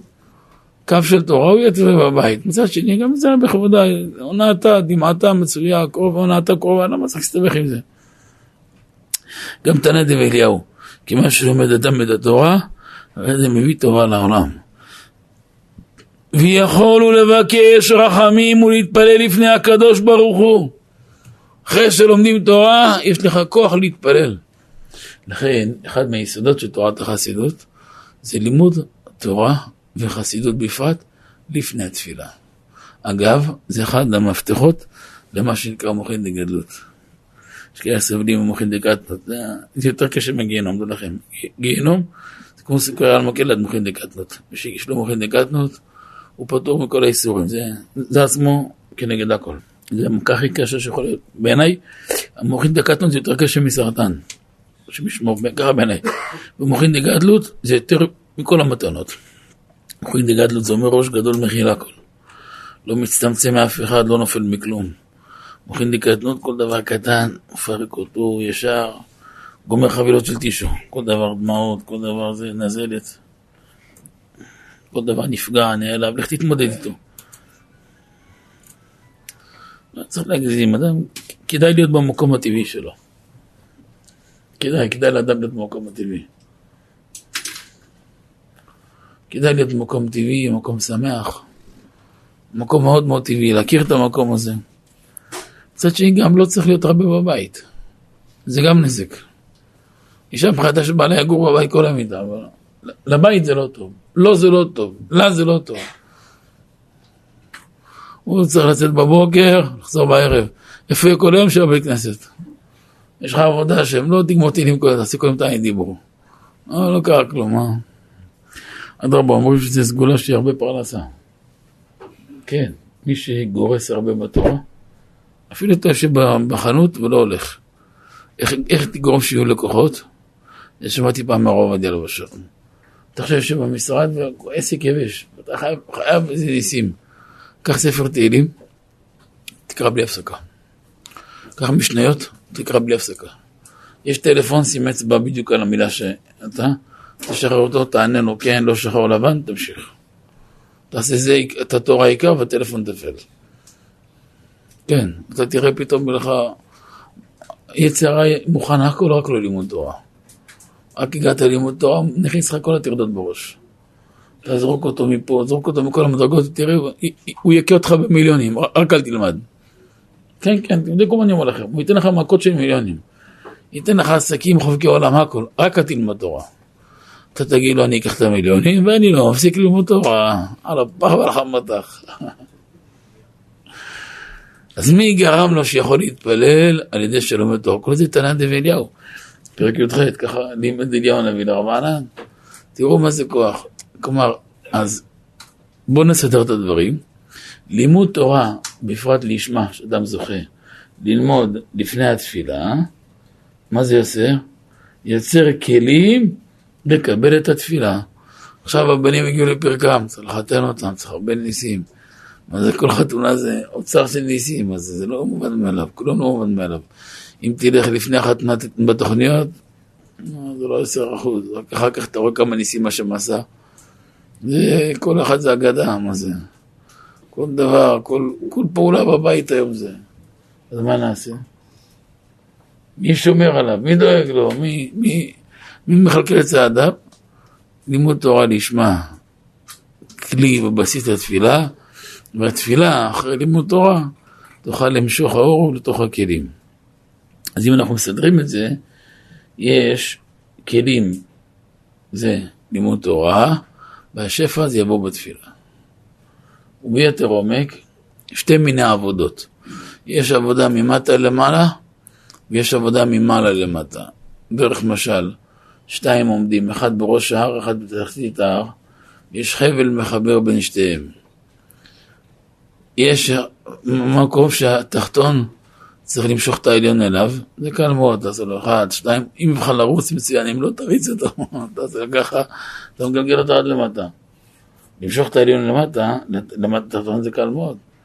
אבל להעלות את התחתון לעליון צריך מנוף חזק מאוד. עבודה של תורה זה למשוך אור מלמעלה למטה, זה פשוט מאוד, זה כל תמיד חכם מתחיל יכול. כל ראשון של העולם כל מטלץ יכול, כל ראשי וצעיר בן 34 יכול לעשות רוח ולחלוק על כל מיני גדולים, אבל עדיין הוא מטלץ. זה חמוד יפי שהוא גמר כמה דברים, אבל עדיין צעיר. חיים לפניו. אבל להיות בעל תפילה זה לעלות מלמטה למעלה, לצורך כוחות. אז מי שיודע ומסוגל לעלות ממטה למעלה, קל וחומר שהוא יכול למשוך מלמעלה למטה. אז העבודה של לימוד תורה זה מלמעלה למטה, זה כל אחד יכול. אחרי שאתה מתרגל, זוכר קצת, אפילו קצת ללמוד, תבקש בקשה אחת. נגיד היום קושי בפרנסה, חשוב תבקש מהשם על הברכה והפרנסה. אחד צריך לחתונות של הילדים שלו ברווח, זהו, תסיח דעת, אז לא צריך לדבר. סגרת את הפינה מול הקדוש ברוך הוא, למה צריך לדבר עליה? אל תדבר עליה. אחד צריך למשל לשלום בית שלו, אחד צריך למשל לזוגיות, אחד צריך לעניין ההוא עם, עם השכן, עם השכנה, עם, ה, עם הבוס שלו. אחד בינו לבין הקדוש ברוך הוא צריך דרך תשובה ותיקון לנפש. מעלה ודע אמרת, שכל אחד יש לו ערימות של דברים, מה אתם חושבים? אדם יושב עכשיו בשידור מול מצבים, יש לו שלוש בעיות, הוא לא יודע על מה להצביע, על זה או על זה או על זה. קח את האמצעים ביניהם, שתופס את שתיהם ביחד ותעשה את זה. וזו תשובה, זו תשובה ברורה מאוד, ברורה כמו שמש. זה ממש, ממש מתנה. גם בזוהר מקץ, עמוד ר"ב, סימן אחריו. מאן דבעי קודשא ברוך הוא יקבל צלותה, בעברית. מי שרוצה שהקדוש ברוך הוא יקבל התפילות שלו, ישתדל באורייתא, ישתדל בלימוד תורה דיו עץ חיים. וכדין, עץ חיים, תאווה בה. עץ חיים זה לימוד תורה. אתה מחזיק בתורה שנקראת עץ חיים, תאווה באה. תזכה שימלא, תאווה זה משאלה. המשאלות שלך יתקיימו. תאווה באה, יזמן לך, תאווה שלך, המשאלה שלך יזמן לך אותה. איי איי איי איי איי איי איי ואכן והחשיבות של ישראל נתעלה ונתרומם בפני כל מי שצריכים הן ברוחני הן בגשמי כשישראל הולכים בדרך התורה אז שורה עליהם חן וחשיבות גדולה. כי התורה שומרת את האדם מגנבה וגזלה וניאוף. אדם לומד דרך תורה. פתאום אומר, שמע, זה לא בסדר, אני דיווחתי שעות לא נכונות, זה גזל. יש בעיה, אדם שמביא כסף של גזל הביתה, בכסף הזה קונים אוכל, ילד שיאכל מהאוכל הזה, מוליד בו אירועי כפירה. יום אחד הוא לא מבין למה צריך להתחתן, הוא לא מבין למה, למה לקחת יהודייה. יש רומניה, ויש רוסיה, ויש... אדם יודע מאיפה באה לו המכה הזאת, לך תתמודד איתו עכשיו. הילד הזה אכל גזל, הילדה הזאת אכלה גזל, מוליד בהם אירועי כפירה, או תאוות ניוף קשים, דברים שלא אהבו לדעת. מה אתה רוצה? הוא אכל גזל. ומי הציל אותו מגזל? או מי מציל אותו מניאוף? ומי מציל אותו ממרין בישין? ומי מציל אותו ממרין בישין? לימוד תורה שלמד. ומכל הדברים האסורים, מידות רעות, איך אדם ניצל? לימוד תורה. מאירה את האדם, נקראת התורה אור, שהיא מאירה לאדם, מה יעשה? ולפי שהתורה מלמדת את האדם כיצד יעשה רצון המקום, לפיכך שכר תלמוד תורה גדול, כמו שאמור במדבר רבה, פרשת ד' עוד כ"ב. כשאדם מתנהג על פי התורה מהביריות אומרות עליו אשרי אביו שלימדו תורה אשר רבו שלימדו תורה אוי להם לביריות שלא למדו תורה פלוני שלמד תורה הוא כמה נעים דרכיו כמה מתוקנים מעשיו עליו הקדוש אומר ויאמר לי עבדי אתה ישראל אשר בך את פער זה גם המבבלי גמרא יום הפ"ו ועל כן על ידי התורה. כלומר על ידי התורה בא חן והחשיבות של עם ישראל, ואחרי החשיבות של עם ישראל נתעלה ויתרומם. ודווקא עכשיו, כי עכשיו אומר רבי נחמן הקדוש, בעוונותינו הרבים החן והחשיבות האמיתי של עם ישראל נפל, כי עכשיו עיקר החן והחשיבות הוא אצלם, וזה עיקר הגלות. תראו בחלב הארץ, חלק ז', פרק, חלק ז', חלק ז', זה תרופת התרופות, פרק י"ב, ענף א', ענף ב', ענף ג', ענף ד', כל פרק י"ב. בלי להפסיק. הוא מתוק, מהפנט, קצת, יש בפנים איזה חומץ מר, בקטע של החורבן, אבל אחר כך הוא בונה את כל המהלך. מי שילמד פרק י"ב טוב, פשוט לי שהוא עף למקום אחר. הוא הבין את הדבר הזה ממש מדויק. שם זה גם הסביר לאדם, פר... זה חלק ז', פרק י"ב, ארבע ענפים, ענף א', ב', ג', ד'. חלק ז', כן. חלק ז' יש בו שתי פרקים, יש בו פרק י"ב, י"ג, י"ב. כמעט חצי כרך. זוהי כל הגלות הארוכה והמרה הזאת, שנתהפך והתבלבל העולם לגמרי, בטל כבוד התורה וחוצפה יסגה, וירך את ימאסו, והאמת היא נהדרת, סוטה מ"ט, כל זה יתקיים. לכן השם עשה פתאום כזאת מכה וטרגדיה כזו קשה בעולם, ופתאום התהפך כל היצרות. פתאום גם אלו שאתמול היו מפגינים כנגד, מבקשים תתפללו, מבקשים תלמדו תורה בשבילנו. אני מקבל כל יום בקשות כאלו. מקומות מאוד רחוקים, ואני מכבד אותם מאוד. למה? כי יהודי אחר כל זה יהודי, גם נפל בבוץ זה יהלום, יישאר יהלום. בזמן אמת, יהודי מבין לבד איפה המקום שלו. והמסר שלומדים מזה שאפשר לחסוך הרבה תקלות והרבה צרות, אם אדם יודע איך לנהוג. מכבד כל אחד במקום שלו. כי עכשיו הכל הפוך. אבל מהר מאוד שנזכה שקדוש ברוך הוא שלח משיח וגואל אותנו. והוא יחזור למקום האמיתי שלו. מה נראה לכם שמשיח יבוא לעולם, הנהגה באה חזרה לקדושה, עם ישראל ברגע שולטים על העולם. אבל שליטה מלאה, זה לא, לא, לא, לא נתפס. אם תלמדו חלב הארץ, פרק חלק ז', אז תבינו מה זה שליטה על העולם. עכשיו יש את כל התיאורים יש שם. אז מבינים מה איבדנו בחורבן, מה חסר לנו, ומה קורה עכשיו כל יום מהשכינה, ואיפה שייך שותפות עם השכינה. בסוף אדם רוצה חומר כמה, מה שייך שותפות איתה, ואיך שותפות איתה, ומה המשמעות של זה, ומה השכר של מי ששותף איתה. זה מהלך שלם שכדאי להכיר אותו, זה נותן איזה פרק חדש במוח. שלא להיות מאותם שכל החיים צריכים לרוץ אחרי טרדות של שטות, אבל לעיקר העיקרים, חיים עוברים להם בין הידיים מחליקים, והכל טפל. בכלל, למה הנשמה צריכה לרדת לכאן? מה חסר לה למעלה? היא נמצאת באוצר הנשמות, יש לה מזון קצוב לה, לא מעבר לזה. מה שהיא צריכה לקיום שלה.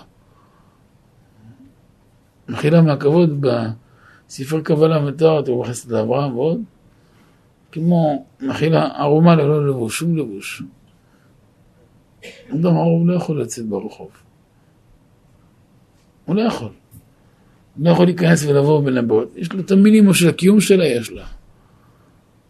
מלבוש זה רק מצוות שאדם מקיים. תראו בכתבי הארי שער הליקוטים בשלח. גם תראו בשער מאמר רשב"י, גם יש בזה כמה דברים. בטח, הרבה. אה, ומקיום המצוות נעשה מלבושים. גם עושים מצוות בשלמות, בקדושה, מכל הלב. נעשה מזה מלבושים גדולים, יפים, מהירים. ומלימוד תורה נעשה מזון. אז מי שאין לו תורה, אין לו מזון ביום שכנגד. חי כאן 30 אלף יום, 40 אלף יום. כמו שהוא כאן צריך לחיות, גם שם צריך לחיות. פה ממה הוא חי? אוכל? שם מה האוכל? זה לימוד תורה. איך הוא ייכנס ויצא בין הבריות? בגדים, איזה מלבוש מלבש. עוד שהיא בכיסא הכבוד, אין לה זכות ורשות לראות אביה שבשמיים. היא לא יכולה לראות שכינה. היא לא יכולה להשיג השגות. רק אחרי שהיא באה מכאן, היא קושרת הנפש, הרוח, הנשמה. ויותר מזה אז היא יכולה לראות. המלך העליון, להשיג. אבל הסביר לנו לפני המון שנים, שכמו שכאן, העיקר של קיום אדם זה מאכילה, אז בגן עדן תחתון זה בריח, ובעליון זה בראייה. בכל העולם יש סוג החיות שלו אחרת. עתיד לבוא, כל מיני מצבים שאולי לא נכון לפתוח את זה. בכל העולם יש את הסוג החיות שלו. כמו שכאן עיקר הקיום זה מאכילה, ומי שלא אוכל יכול למות ברעב. גם שמה, האכילה היא דרך אכילה, אבל לא אכילה דרך הפה, אכילה אחרת. כמו דרך העין לראות שכינה. מי שלא רואה שכינה, הוא לא מצליח, הוא לא יכול להתקיים. וזה צער שאי אפשר לכפר עליו. תראו, בזה זוכים מי שמקדש את העיניים שלו, לא לראות תמונות לא צנועות, לא לראות דברים לא טהורים, תרחיק מכל רבב של דבר לא טהור. תראו בית יוסף, אבן העזר, כף, א', שירת דבורה למטה שמה. תראו שם בית יוסף, לא הרבה, חמש-שש שורות, אבל לפידין. זה כוח של קדושת העיניים. אתה רואה בבני אדם, במצח שלהם בשנייה אחת. כל מי שנחשף למדיה, אתה רואה המוח שלו נהיה טרללה. איפה לא מורכז בכלל, אתה מדבר עם אדם כמו עב"ם. אתה מבין מה אתה מסומם, אתה רואה מיד בן אדם איפה. קח שנייה לזהות בן אדם. אין לנו מושג כמה, כמה נזק עשתה המדיה לעולם. אם הייתם יודעים, הייתם לוקחים את הטלפון שלכם עם כל המעלות, שורפים אותו באש. לא באסתה, שורפים אותו באש, אני אומר לכם, שורפים אותו באש עם כל מה. הייתם מעדיפים לראות כמו לפני 40 שנה עם איזה בזק טרנטבלה וזהו. בלי, בלי, בלי כלום, רק, רק לכפר על הנזקים שהוא עושה. אתם לא יודעים כמה נזק הוא עושה. קצת שהכל טאט, שהכל מחליק ככה, גם מחליק ככה לגיהנום צ'ק צ'ק. יותר מדי מהר, אתם לא יודעים כמה, סותם את המוח, סותם הנתיבים, סותם הריכוז, סותם ההשגה, סותם הכל. תגיד לי שזה לא ככה, לא אאמין לך. כמה בתים חרבו מזה, כמה נזקים, כמה עסקים קרסו מזה. אוי, כמה גיטין נכתבו בגלל הדבר הזה. מי שלא מונח במה שעוברים העם, לא יודע מה אני מדבר. מי שמקבל 100, 200, 500 אלף, 2,000 שאלות בשבוע, יכול להבין בדיוק מה אני אומר. או לחליפין שישב בבית הדין איזה חודשיים, אפילו רק שעתיים. שיכין את האוזניים שלו טוב, אז יבין מה, בדיוק מה דיברתי. למה צריך? אחד מהדברים שאנחנו נזהרים בכל מועדנו זה לשמור על כבוד האדם וחסיות ופרטיות. אצלי במערכת, בכל מי שמגרדל, כל פינה שאני יכול לנגוע, יש לי את המקומות ממוקדים, לפעמים גם במכתבים, אבל בכל פינה כזאת יש לי מגרסה צמודה. אני גומר מכתב, דבר ראשון גורס אותו. משמיד אותו, אבל לשמור על כבוד האדם, אבל כשאתה רואה לאיפה אנשים הגיעו ווידאו מה קרה להם, קורעת הלב זה לא מילה בכלל. ולמה להגיע לזה? אדם שיכול להיות בעל רוח הקודש, בעל השגה, בעל תורה. מה, פעם ראית צדיק שקדוש ברוך הוא יעזוב אותו? לא ראיתי צדיק נעזב, אז הוא מבקש לכם. אז לא אמרתי לך תהיה סאלי, אבל אתה יכול להיות שתיים סאלי, תהיה שתיים סאלי, מה, מה הבעיה? למה הוא נולד סאלי? לא, הוא עבד סאלי, מה? אחת הסיבות שקדוש ברוך הוא שתל את אבא שלי, מושב ברוש, מושב של אנשים יקרים, עבים ומגושמים, חקלאים טובים, אולי היום קצת יזדככו, אבל לפני 60 שנה היו טיפוסים קשים שם, קשים מאוד. ולא לידו אותו בירושלים ובצפת, שיגיד, טוב, מה אתה רוצה? הוא גדל בין החומות? לא, הוא גדל בין החקלאים, שרבו כל היום על צנר ותפוח אדמה, אפילו אחי. אפילו אחי בכיתה ו' נבחן ש"ס משניות בעל פה. בגיל 14-15 כבר ידע תנ"ך עם הטעמים שלו על הלשון בעל פה. הוא ידע ש"ס, ידע זוהר, ידע כתבים, ידע כל פינה בתורה. איך זה? מאיפה הוא יצא? מאיפה? הכרתי את כל החברים שישבו איתו בספסל. בכל המחזור, כמעט, כמעט בכל המחזור, הוא שהוא, הוא הכיר לי את רובם, רובם ככל העם במשך החיים. זה יפה לראות. מעט מאוד יצאו תלמידי חכמים, חלק יצאו, כל אחד איפה הלך, הכל טוב.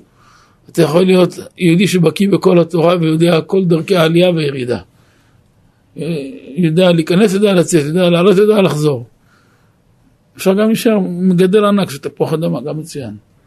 אחד יצא מגדל ענבים, אחד נהג משאית, אחד, אחד יצא רב יורם. אין מגבלה בתורה לאיפה אפשר להגיע. לכן לימדו אותנו רבי עקיבא התחיל בגיל 40 א' ב', למה? רבן יוחנן בן זכאי, דיברנו בתחילת השיעור רבן יוחנן בן זכאי פעמיים, נכון? אחר רבן יוחנן ברור חיים, נכון?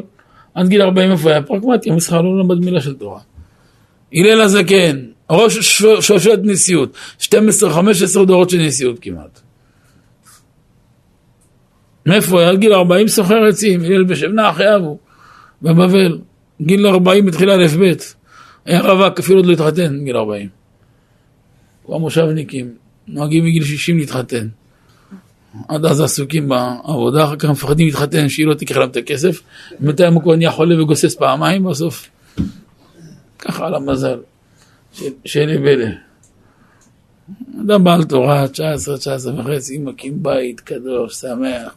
ילדים בזמן, הכל בזמן. עוד שהוא מתעטש, אנחנו כבר מחתנים ילדים. כן, מה נראה לכם? חיים רצים. מי שלא יודע קרה זמן לאיפה הוא יודע איפה הוא מגיע. עד שהוא יחליט, יקבל החלטה, ויערער, וישקול, ויבדוק, וילבן, כבר העובר ימות, וכבר... כן, כל, כל מה שאני אומר זה אמיתי לחלוטין. אחר כך הם מקבלים דמעות, כבר גיל 37 והוא לא נשוי והיא לא נשואה. מי מעכב לה את המזל? איזה מזל, הייתה צריכה כבר 17 ילדים עכשיו. נגיד, נמעית, נגיד רק 10. מזמן רץ המזל שלה, איזה מזל. מאיפה זה התחיל בכלל? עד שהדוקטור הזה תגמור את הלימודים, ועד ועד, כאילו, הכל יתנהל בשמיים לפי הקוקוריקו שלה, לפי הקרבולת שלה, מה זה ככה הולך? לא, יש זמן לכל דבר. שתיל גדל, יש לו זמן שלו, הגיע לפריחה שלו, לשיא שלו, אל תצפה שמחר יותר טוב, מחר הוא מתחיל לנבול, הוא מגיע לשיא, נובל, לפני שהוא נובל, תקטוף אותו יפה, תעתיק אותו לערוגה הבאה, שיתחיל להתפתח. לי אותו הרבה שתילים כמוהו, אם לא תדע להעביר אותו נכון, נובל, מה נראה לך? או שעושים טעויות, אחר כך צריך לשלם עליהם. לכן השיעור שלהם לימד אותנו. על ידי התורה מתקבלים התפילות. מי גרם לתפילה שתתקבל לימוד תורה שלמד? אז גם יצחק אבינו, ויתר יצחק, בואו נחזור לרבי יהודה ברבי אליעזר הגדול. עכשיו תראו כל מה שאמרתי לכם שעתיים, איך, איך רבי אליעזר הגדול מסכם בשתי משפטים. רבי יהודה אומר עשרים שנה הייתה רבקה עקרה, לאחר עשרים שנה לקחה יצחק והלך עימה להר המורי, אז קודם כל סוד ההולדה דיברנו בהתחלה, נכון? ודיברנו גם שלא עושים מיד פעולות, ואיך ניגשים גם שצריך, ואחרי זה דרך. בתוך השנים האלו קמה עמל תורה וקדושה ודבקות. לאיפה למקום שנעקד שם? העקדה הוא עלה לגן עדן שלוש שנים. תראו אבא אבינו שמגלה עמוקות. ישב בגן עדן ועסק בתורה עם קודשי ברוך הוא מלאכי השרת שלוש שנים רצוף. לא טעם טעם של חומר. העקדה כל כך קידשה אותו וזיככה אותו, שיכל לדור בין העליונים. אחרי שלוש שנים, גיל 37 היה עקדה, גיל 40 חזר לכאן, ובעקדה נולדה רבקה, אחרי שלוש שנים ראויה לזה, ואז שמכיר להם ונשא אותה. והתפלל על ההיריון ויעתר לו, ויעתר יצחק לו, איי, ויעתר לו. ממשיך רבי אליעזר הגדול. באה ללדת, מוחם עליה, הגיע נפשה למות, ואכל להתפלל במקום טהור. כבר אחרי שבהיריון, ייסורים גדולים וצער, הכל טוב, מקום טהור. ותלך לדרוש את אדוני. ויהיו הבנים בתוך מאה כי גיבורי כוח, שנאמר יתרוצצו הבנים בקרבה. מה יעשה יעקב אבינו? אחז בעקב ועשו להפילו. זה רמז לדורות. שנאמר בידו אוחזת בעקב ועשו. מכאן אתה למד שאין בין עשו נופלים, עד שיבוא שריד מיעקב ויקצץ רגליו של עשו בקרוב ממש. זה למעשה אצל דניאל, נבואה של קץ הימים. ימין, חזה אבי תעדית גזרי התבן, וכתוב אחד אומר לי נקם ושילם לה את אמות רגלם. קרוב ממש נראה כל זה החודש הזה בעזרת השם. החודש כסלו, במיוחד שלו, שנאמר בו לראשונה, רבים ביד מעטים, רשעים ביד צדיקים, טמאים ביד טהורים. ושלושת המרכיבים האלו אקטואליים לעכשיו, רבים ביד מעטים, רשעים ביד צדיקים, טמאים ביד טהורים. ישמעאלים הם רבים, ביד מעטים היהודים, רשעים בוודאי שהם רשעים מחבלים זה ודאי רשעים, וכל הישמעאלים בחזקת מחבלים, גם מי שלא מחבל בחזקת מחבל. טמאים ביד טהורים, רשעים ביד צדיקים. ובחודש הזה זכו להדליק המנורה בבית המקדש, שיזכה החודש הזה לחנוך בית המקדש, להדליק המנורה בבית המקדש, בעזרת השם. אבל הפעם היא בניין שלא יהיה חורבן אחריו, רק בניין ושמחה. אמר רב אח הגד לו נערים, זה הלך בדרך החיים, זה הלך בדרך המוות. וגדלו הנערים. יעקב בחר בדרך החיים, יעקב אבינו הלך בדרך החיים שהיה, יושב אוהלים, עוסק בתורה כל ימיו. ומה זה אוהלים? אוהל. אה? שם ועבר. כל כולו היה תורה. כל הזמן יושב אוהלים. כל הזמן שקוד על התורה, השתבח שמלן. יפה. אז למדנו עכשיו שהדרך שאתה מזכה שהתורה תתקבל זה רק על ידי שהתפילה תתקבל על ידי לימוד תורה. אבל יש עבודה של לימוד תורה ויש עבודה של תפילה. גם בש"ס אמרו, וכמגרסה סייעתא מן שמיא. כדי לזכות להעמיד הגרסה כמו שצריכים לכוון שמועתו, הכוונה לכוון אל האמת ולפסוק הלכה נכון, צריך שיהיה לימוד תורה לשמה וצריך הרבה תפילה על זה. אה, לפני הרבה שנים שאלתי לרב עובדיה עליו השלום שאלה. היינו יושבים בכולל כל יום מעשר וחצי לילה עד הבוקר. והייתי אז כותב את השנים שכתבתי את חלב הארץ, שמזל לכתוב סרט יש מהרבה דברים יפים. ו... בסוגיות בחלב הארץ, בעיקר מה שעשיתי, אשר קרוב ל-40 חלקים לנורא, לקחתי הלכה, קבלה וחסידות ושילבתי אותן. סוגיה רק בהלכה זה יפה, אבל זה חסר. רק בקבלה זה חסר, רק חסידות זה חסר. תאכל רק קצפת, זה לא מסתדר. תאכל עוגה יבשה בלי קצפת, זה משעמם. צריך לשלב אותם טוב, איפה, למהול אותם, זה בעיקר מה שעשיתי. לקחתי קו של בן איש חי, ככה קיבלתי הוראה מאבא, ו... ורצתי איתו. ו... וזה דברים שמצריכים המון המון שעות, של התיישבות וריכוז, ו... ואצלנו בכולל הנהגנו שהיינו עושים מ-10 וחצי מתחילים, באחד עושים קדיש, ואז עושים תיקון חצות וכמה דברים, סדרים. עשו את הרבה לשתיים, עשרה לשתיים, מסיים כל מיני תיקונים שהיינו עושים. וממשיכים, זה כאילו היה החלק השני של הסדר, עד חמש, עד ארבע, עד שש, לפי העניין, עד הנץ. ככה היינו במשך הרבה שנים. והיה לי התלבטות שהייתי כבר ממש צולל עמוק עמוק בסוגיה, והיה קשה להסיח דעת. מגיע חצות, צריך להפסיק, לעזוב הכל לתיקון חצות או לא? אז שלחתי לרב, לרב עובדיה.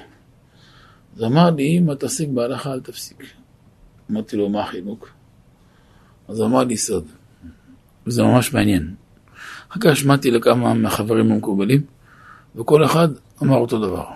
כל אחד מהזווית שלו, גם הזקנים. כולם אמרו לי ככה. אמ, הוא אמר שתמיד חכם יושב בסוגיה, יושב עליה לפעמים שבוע, שבועיים, שלוש, חודש, באמת ככה. סוגיה, אני זוכר פעם ישבתי עליה שלושה חודשים. שלושה חודשים של ימים ולילות, זה 24-7, זה לא, אין הפסקה. אין היסח הדעת. זה דברים כבדים. מגיעים לשלב לכתוב, זה כבר צריך להיות תמצית של תמצית של תמצית. ברגע שתופסים את היד ביד, אי אפשר להסיח דעת.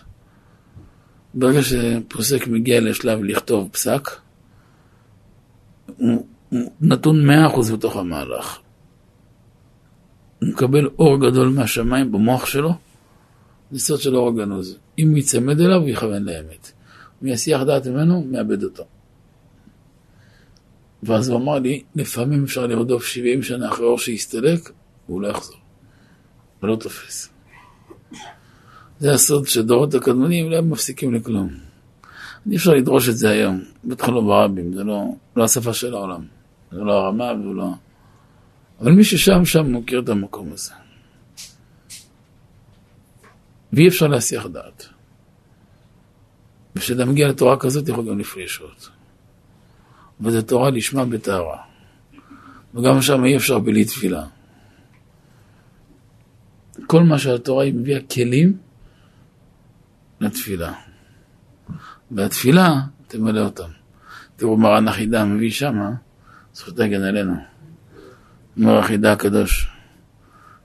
הוא גם קיבל ככה מאור החיים.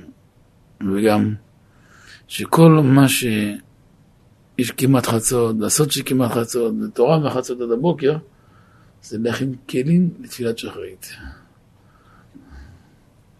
הבאנו מחלב הארץ כמה דברים מזה.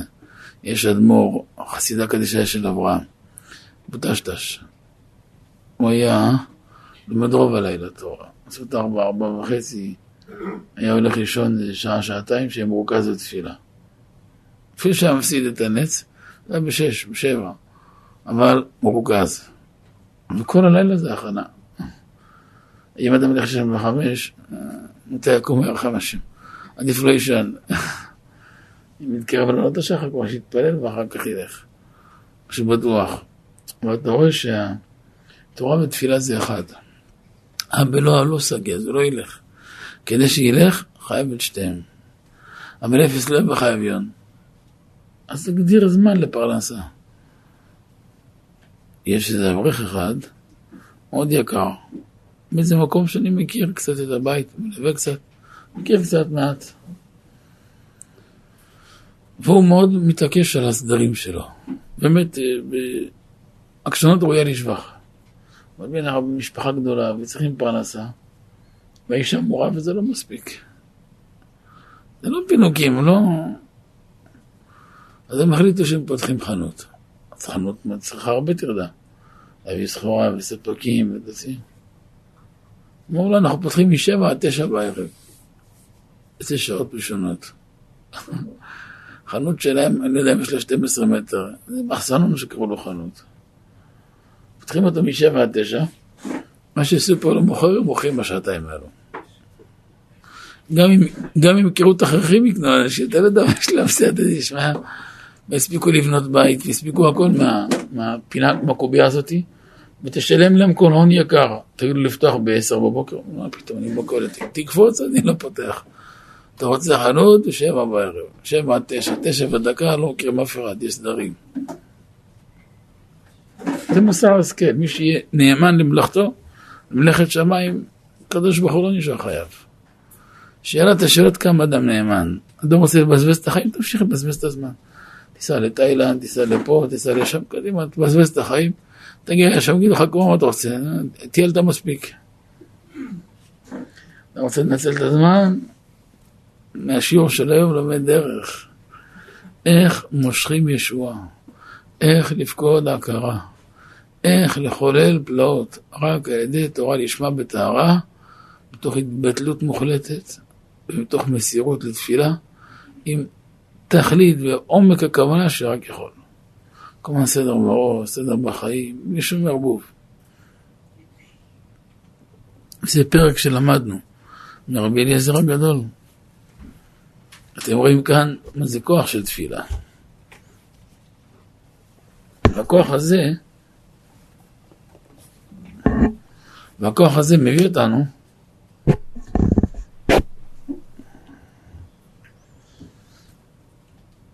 לסגור את הפינה, כמו שאמרנו בהתחלה. אז ויתר יצחק נוכח אשתו. מלמד שהיה יצחק שטוח כאן, והיא רבקה שטוחה כאן, הכוונה מקבילים. גם זה רמז שאמרתי לך את השיעור, שזוג רוצה לבקש רחמים, אבל העניין הוא שעמדו תפילה זה מול זה. בדור שלנו טוב שהדליקו קצת נרות לצדיקים. נגיד לכבוד נר, נר אדוני נשמת אדם, בוא נגיד נשמת רבי מאיר בעל הנס, רבי שמעון ברוך חי, הדליקו כמה נרות לכמה צדיקים ובקשו רחמים בזכות הצדיקים.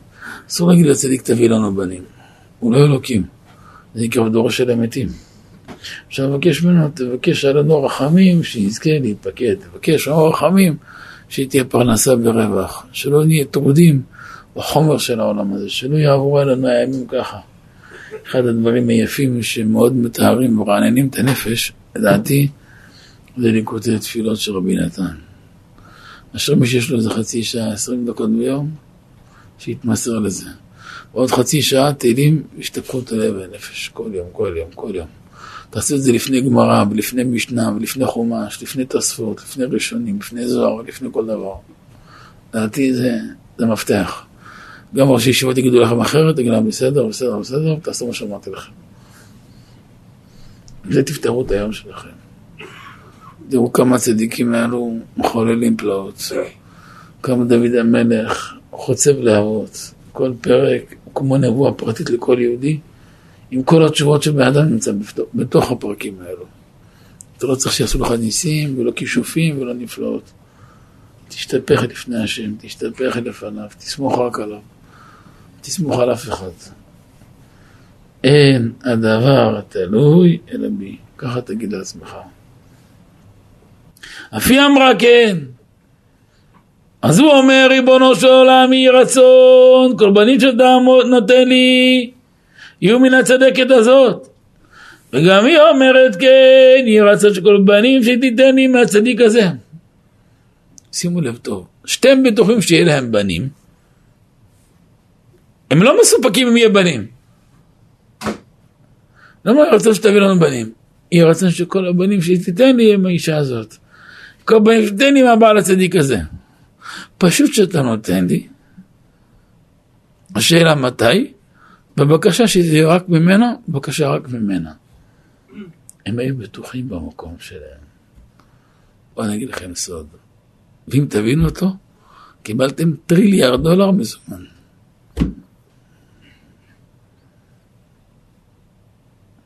נגיד לכם או לא נגיד לכם? אה? אולי אתם לא, לא בשביל זה? טוב, אני אתן לכם אותו. אם תהיו רואים, תפנימו, אם לא יעבור לכם ליד האוזן. עוד, עוד לא תעברו את הדלת, תשכחו אותו. הוא עמוק מאוד. משפט קצר, אבל הוא עמוק עמוק עמוק. אדם קדוש הוא אדם בטוח. תהפכו את המימרה הזאת, תעשו במה שאתם רוצים. אדם קדוש הוא אדם בטוח. עמלק, הוא עשה רק משהו אחד. פגע להם בקדושה, זעזע אותם, משם הוא עשה הפיל אותם לספק. משם ידע זוהר, הוא הלך לאיבוד. משם תעתע בנו שלושת אלפים שנה בגלות. אדם קדוש, חד כמו טהר, פק, פק, ברור. הוא לא צריך להיות תקיף, ברור. כמו עשר בבוקר, כמו שתיים בצהריים, הכל ברור. הספק לא קיים. אמרתי לכם הרבה פעמים, מותר להתלבט, אסור להסתפק. להתלבט, זוג רוצים, חושבים, מתאים להם לעבור דירה. למה? בלי הנאה המשפחה גדלה, בית קטן, צורכם חמורים, בסדר גמור. מתלבטים לכאן, לכאן, לכאן, גם תקציב, כמה יכולים, כמה החזרים בחודש, כמה ככה, ככה, ככה, ככה, הכל בסדר. קיבלנו החלטה שעוברים, מצאנו בית מתאים לרוחנו, הסביבה מתאימה. לפני שבודקים את הבית, קודם כל הסביבה מתאימה. ילדים מוצאים את האף בבוקר, מה הם רואים? יש מספיק שמירת עיניים בחוץ. או ככה, רחוק ככה. יהודי יכול לגור בבניין עם בריכה? זה מטורף, זה לא בן אדם. איך הוא יכול לבקש בכלל רחמים? פטור כל המזוזות, כל הבניין פטור. מי נמצא בברכה? ומי זה? יהודי לא הולך לגור שם, הוא לא גוי. הוא אירופאי, מאיפה הוא בא? יהודי צריך לשקול איפה הוא הולך. באגד אומרים, רשע, מה העבודה הזאת לכם? שרשע מגיע למקום, איפה יש כאן עבודה? חכם, בסדר, איפה בית כנסת? לפני שבוחרים בית בכלל, איפה בתי כנסת כאן? איפה חינוך? מה החינוך הכי טוב כאן? איפה יש יותר יראת שמיים? איפה ישיבות? איפה מוסדות לבנות? איפה לבנים? הכל בסדר בכשרות, בסביבה? כן. דרך אגב, אה, יש גם פרנסה מצוין? אם לא, לא נורא, מי שידאג לזה, ידאג לזה. איך בוחרים בית? יש כללים אחרים בוחרים בית. מחר יש מסיבה בשכונה אצל שכן, מה המוזיקה שתשמע שם? מה, תתאמת כל העבודה של 30 שנה שלך? אתה מוכן? זה לא נורמלי. חייב לדעת לבחור סביבה. לפני בית. אחר כך גם בית שמתאים לאור ההלכה. יש בכל בית ימים כאלה וימים כאלו, צריך תנאים בהלכה, לקיים הלכה כמו שצריך. לא כל חדר ולא כל גודל ולא כל מבנה מתאים. צריך בית לאור ההלכה, מטבח לאור ההלכה, חדרי שינה לאור ההלכה, כיוון מיטות לאור ההלכה, סוכה, תנאים של מטבח, חדרי ילדים, צריך שיש תנאים מתאימים לאור ההלכה, מקלחת מתאימה לאור ההלכה. יש הרבה הרבה פרטים, מה זה? זה מובן מאליו? מה כמה מודרנים בעולם גויים יכתיבו לנו את הכסף? מה פתאום? אולי אנחנו נכתיב להם. למה הם צריכים להכתיב לנו? אם הם בהמות, הם צריכים להפוך אותנו לבהמות, מה פתאום? ישבו איתי הרבה קבלנים בהרבה מצבים, אמרתי להם, חבר'ה, לפני כן, לפני שאתם רוצים שיווק, קודם כל, מה, מה, מה אתה מוכר לאנשים? איך אתה רוצה למכור לבן תורה קיור בשירותים? מה יעשה בקיור בשירותים? למי זה? מה יעשה קיור בשירותים? כמו אחד טובל עם עכבר ביד, העיקר טבל. יש לך עכבר ביד, מה... אז שתהיה בשעת הדחה כמו אתה נמצא בנסיעה במטוס, ואין ברירה אחרת. אז יש מחלוקת חכם עובדיה וחכם בן ציון, אם הרוח רעה זה רק בתוכה על האסלה, ואז סוגר אותה ואפשר להקל, או גם כל חלל החדר, אז תסמוך להקל פשטך כאן חכם בן ציון.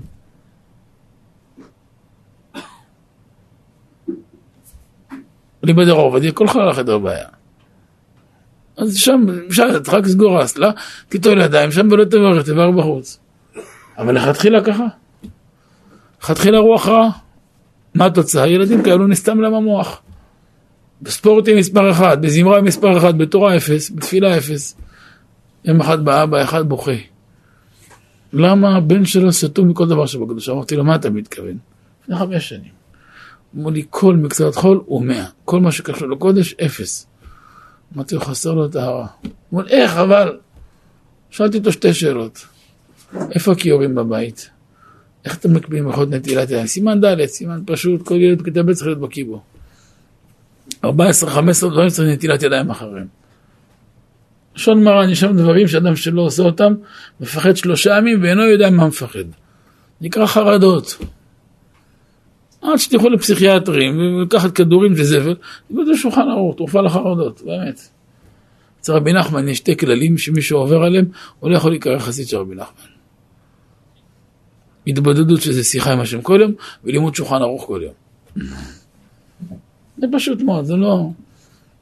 תראו, סימן, ד' זה לא העזר או משהו, זה יורד היד, לפני, לפני לוחות ציצית, לפני תפילין, לפני הכל. זה בהשכמת הבוקר. אדם גזל ציפורניים? איפה גזזת אותם? ככה על הרצפה, אומרת הגמרא נקרא רשע. אם תעבור מעוברת, תפיל את העובר. אתה מוכן לקחת על המצפון שלך שהיא תפיל העובר? לידה שקטה? בגלל שעברה על ציפורן? מה, זורקים ציפורן ככה? שים בתוך האסלה, תוריד עליהם מים. אסור, צריך לדעת. אדם מקיז דם, בסדר, יכול להיות. בדיקת דם, אנשים חולי סוכר, לפעמים צריכים, אחרי כל הקזת דם, צריך לתת ידיים. נגע במקומות מכוסים, הסתפר, נטילת ידיים. יש לנו דברים שאדם פספס, לא עושה נטילה אחרי, יום אחד מפחד, כל היום מפחד ולא יודע למה הוא מפחד. שבוע מפחד ולא יודע למה הוא מפחד. חושב רודפים אחריו, הורגים אותו, לא, אף אחד לא רודף אחריו ולא כלום. זו רוח רעה שהתלבשה עליו. אבל ילד שמקפידים איתו על זה, בצורה מכובדת, אישה שמקפידה, תדע אם בעלה לא ילמד איתה? לכן זוג חייבים לדעת לבנות בית. וזה לא מובן מאליו. לכן מי שכל היום רץ אחרי יצא הרע שנקרא פרנסה, הוא לא מגיע לכלום. בסוף גם פרנסה אין לו. הזוהר הקדוש בוכה עליהם, הוא אומר, אומה לא יישאו בעם עליו. אתה בן תורה, אתה רוצה להיות בן תורה? תקבע זמן. אני מתחיל עבודה בשעה X. אני באמצע הבורג, מפסיק בשעה Y. זהו, נגמר. מה יהיה אחר כך בידי שמיים? מה זה מהמיטה לעבודה? מה אני בהמה? מה אני סוס, פרה, חמור, כלב? מה אני גוי? מה אין בית כנסת, אין מקווה, אין תיקון חצות, אין לימוד תורה לפני התפילה, קצת אחרי התפילה. מחר אתה מת, אתה בא לפני הקדוש ברוך הוא, מה תענה לפניו? אלפיים אנשים שמתו עד עכשיו בחודש האחרון, הם חשבו שהם ימותו? היית שואל אותם בסוכות, אומרים לך אחלה גבר. אם ידעו שהם מתים, היו הולכים למסיבה הזאת? הם היו הולכים שם? איפה? תחלום. איפה היו מגיעים? תחשבו. יש עכשיו כמעט אלפיים אלמנות חדשות, אתם יודעים את זה? לא יודע מספר יותר, יש כמעט אלפיים אלמנות חדשות. אתם יודעים איזה מזעזע זה? אתם יודעים כמה שעות של עגונות עכשיו יש על השולחן? איך תתמודד? תיק כזה ותיק כזה ותיק... אוף, איזה דברים. התמודדות, אטרקציה של אטרקציות עכשיו יש.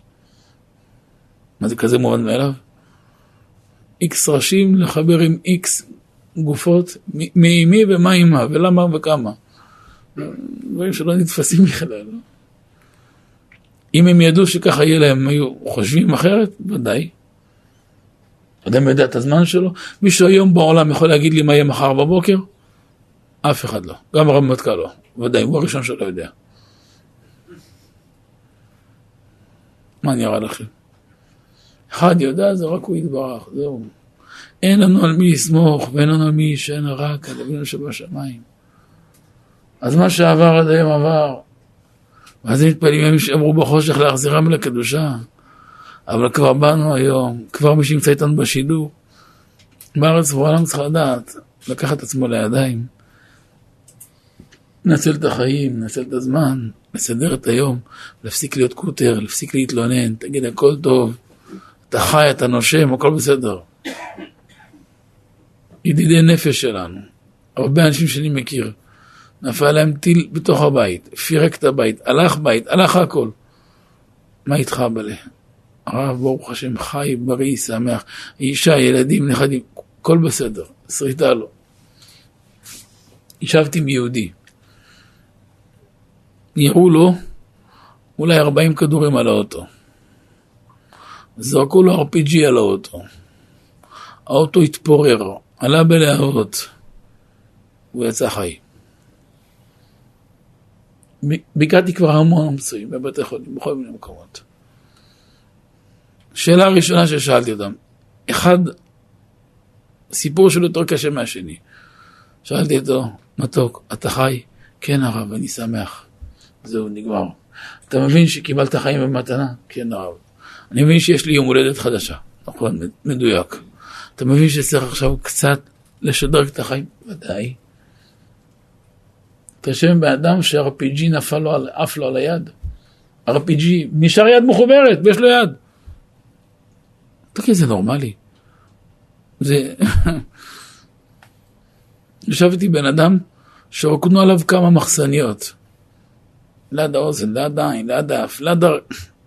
כלום לא פגע. נגזר לחיים. ואחרים שהוא עשה בשביל אדם נגמר. שנה שעמדתי בראש שנה בתיבה, בדרך כלל התפילה רצה. הגעתי ועל המדינות בו יאמר נעצרתי. התחלתי לבכות, ועל המדינות, זה עוד מנגן לי במוח, גם בראש שנה, גם בכיפור. בוא יאמר איזו לחרב, איזו לשלום. הציבור שלי קולט אותי. הוא צעק אמן, הבין את האמן על השלום. איזו לרב, איזו לסבא. בריות בו ייפקד ולהזכירם לחיים ולמוות.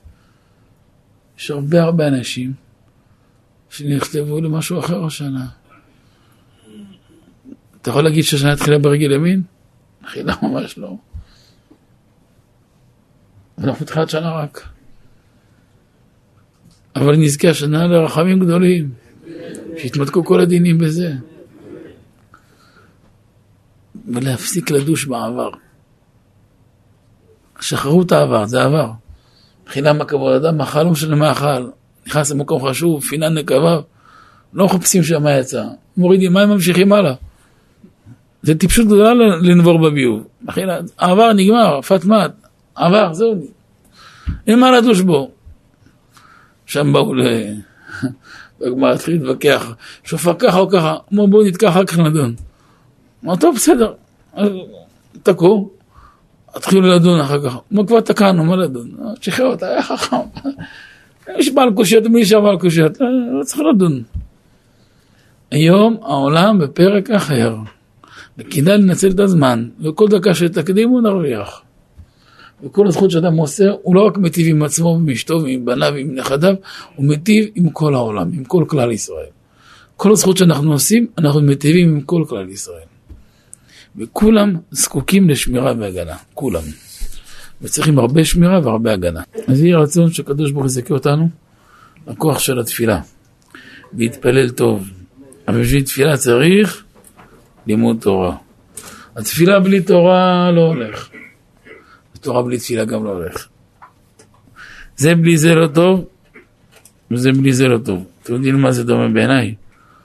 כמו אחד, קנה בעופות שם במקפיא.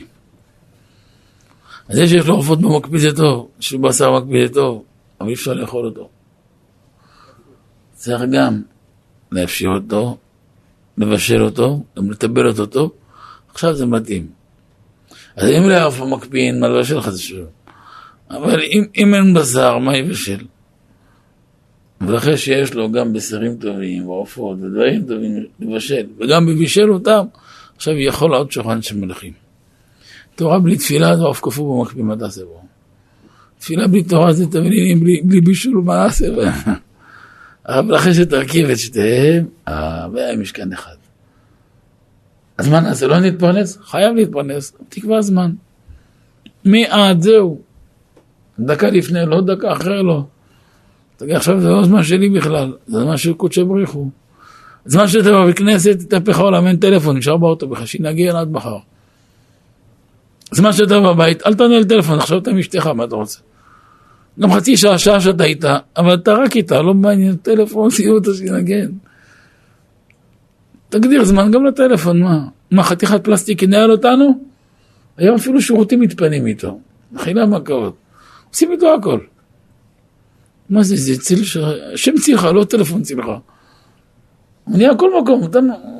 כל, כל הזמן ככה, מה יש לך לעשות שם? אבל זה מושג גדול בשבילנו. אז למדנו מיצחק אבינו קודם כל כוח של תפילה. וכוח של ישועה. ואיך למשוך ישועה לעולם. ועל ידי מה? ואיך זוכים לסוד של פקידת עקרות. ויזכה לגאולה השלמה ברחמים. וננצל את, אמן, וננצל את הזמן. ולעשות נחת רוח להשם בכל מעשה ידינו. ויהיו כל מעשינו לשם שמיים, אמן כן ירצון. שבוע שעבר הודענו והכרזנו, מה שאבא רגיל, אבא הרב יורם, זכותו להגן עלינו, היה רגיל לומר משבת מברכין של כסלו, והיה מתחיל בראש חודש כסלו, הוא עשה ברכה שכל השנה מתחילה מי"ט כסלו לי"ט כסלו.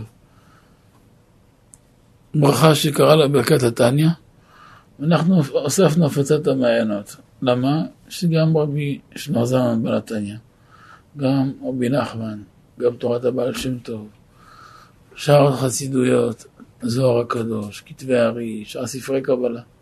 בעזרת השם במקום הזה לומדים בלי נדר, משתדלים ללמוד הכל. והברכה של תורת הפנימיות היא גדולה מאוד, של כל בעלי הפנימיות, בפרט בראשנו, עטרה על ראשנו, בעל התניא, ובן איש חי זה גם כולו קבלה, מה זה בן איש חי? כולו פנימיות. ומרן החידה, ורבי חיים פלאג'י, ושאר פוסקי הדורות. אז כתבנו אה, ברכת התניא והפצת המעיינות, ואבא קרא לזה ביטוח חיים. אבא יאמר כל שנה שעושים ביטוח במגדל ומנורה ואלו, אם ימות אז יקבלו פיצויים, הילדים יהיה להם קצת כסף. אבל בביטוח של אבא רבי יורם זה שהוא לא ימות, שהוא יחיה. אחד מה... הרבה, הרבה מהניצלים, השתבח שמספרים הרבה פלאות. הוא סיפר לי יהודי אחד שקיבל צרור של יריות בכמות שלא נתפסת. והיה כבר שוכב על ארז דווי, כבר ראה את המיטה שכבר אמר שמע ישראל. הוא בשארית הכוחות אומר, רבי יורם, הבטחת, את ההגנה לקחתי עליי, אני קשור בה מעיר לארץ, אני שייך לבית מדרש. הוא ניצל. דרך לדרך, דרך לדרך, אם הוא חי וקיים. חי וקיים. היינו אצלו, ביקרנו אותו, ישבנו אותו. עוד מעט יגיע אליי אחרי שישתחרר. וזה פלא, והרבה הרבה פלאות. צדיקים לא נשארים חיים, חייבים. אז לפני שיגמר המקום, מי שרוצה להירשם, אצל מיכאל שלנו, אם שומע, איתנו, צוות של מיכאל, דן הצדיק, אוהד. אפשר לזכות, להיות קשורים. אבא הנהיג שהשמות כתובים על השולחן, שרואים אותם בוקר וערב, מתפללים עליהם, מכוונים עליהם. זה מתחיל בתוקף מי"ט כסלו, מי"ט לי"ט, אבל מעכשיו כבר תופסים את העניינים, מערכת מתעדת את זה, וזה זכות לאדם. מי שירצה על תקן חובה, היה קורא לזה ביטוח חיים. אני חושב שכולם צריכים לשמירה והגנה היום יותר. ברוך השם, קצת, באזורים שלנו קצת יותר חווים, אה, קצת מצד שמרגישים את הבומים יותר, אז לא נבראו רעמים לנפש את הקומיות שבלב. אז אה, טילים נכון, זה נחמד, זה מוזיקת רקע כזה, אבל זה לא כזה הרבה, אבל המכלול כולו הוא בהכרח, ובהחלט שהוא עושה את שלו.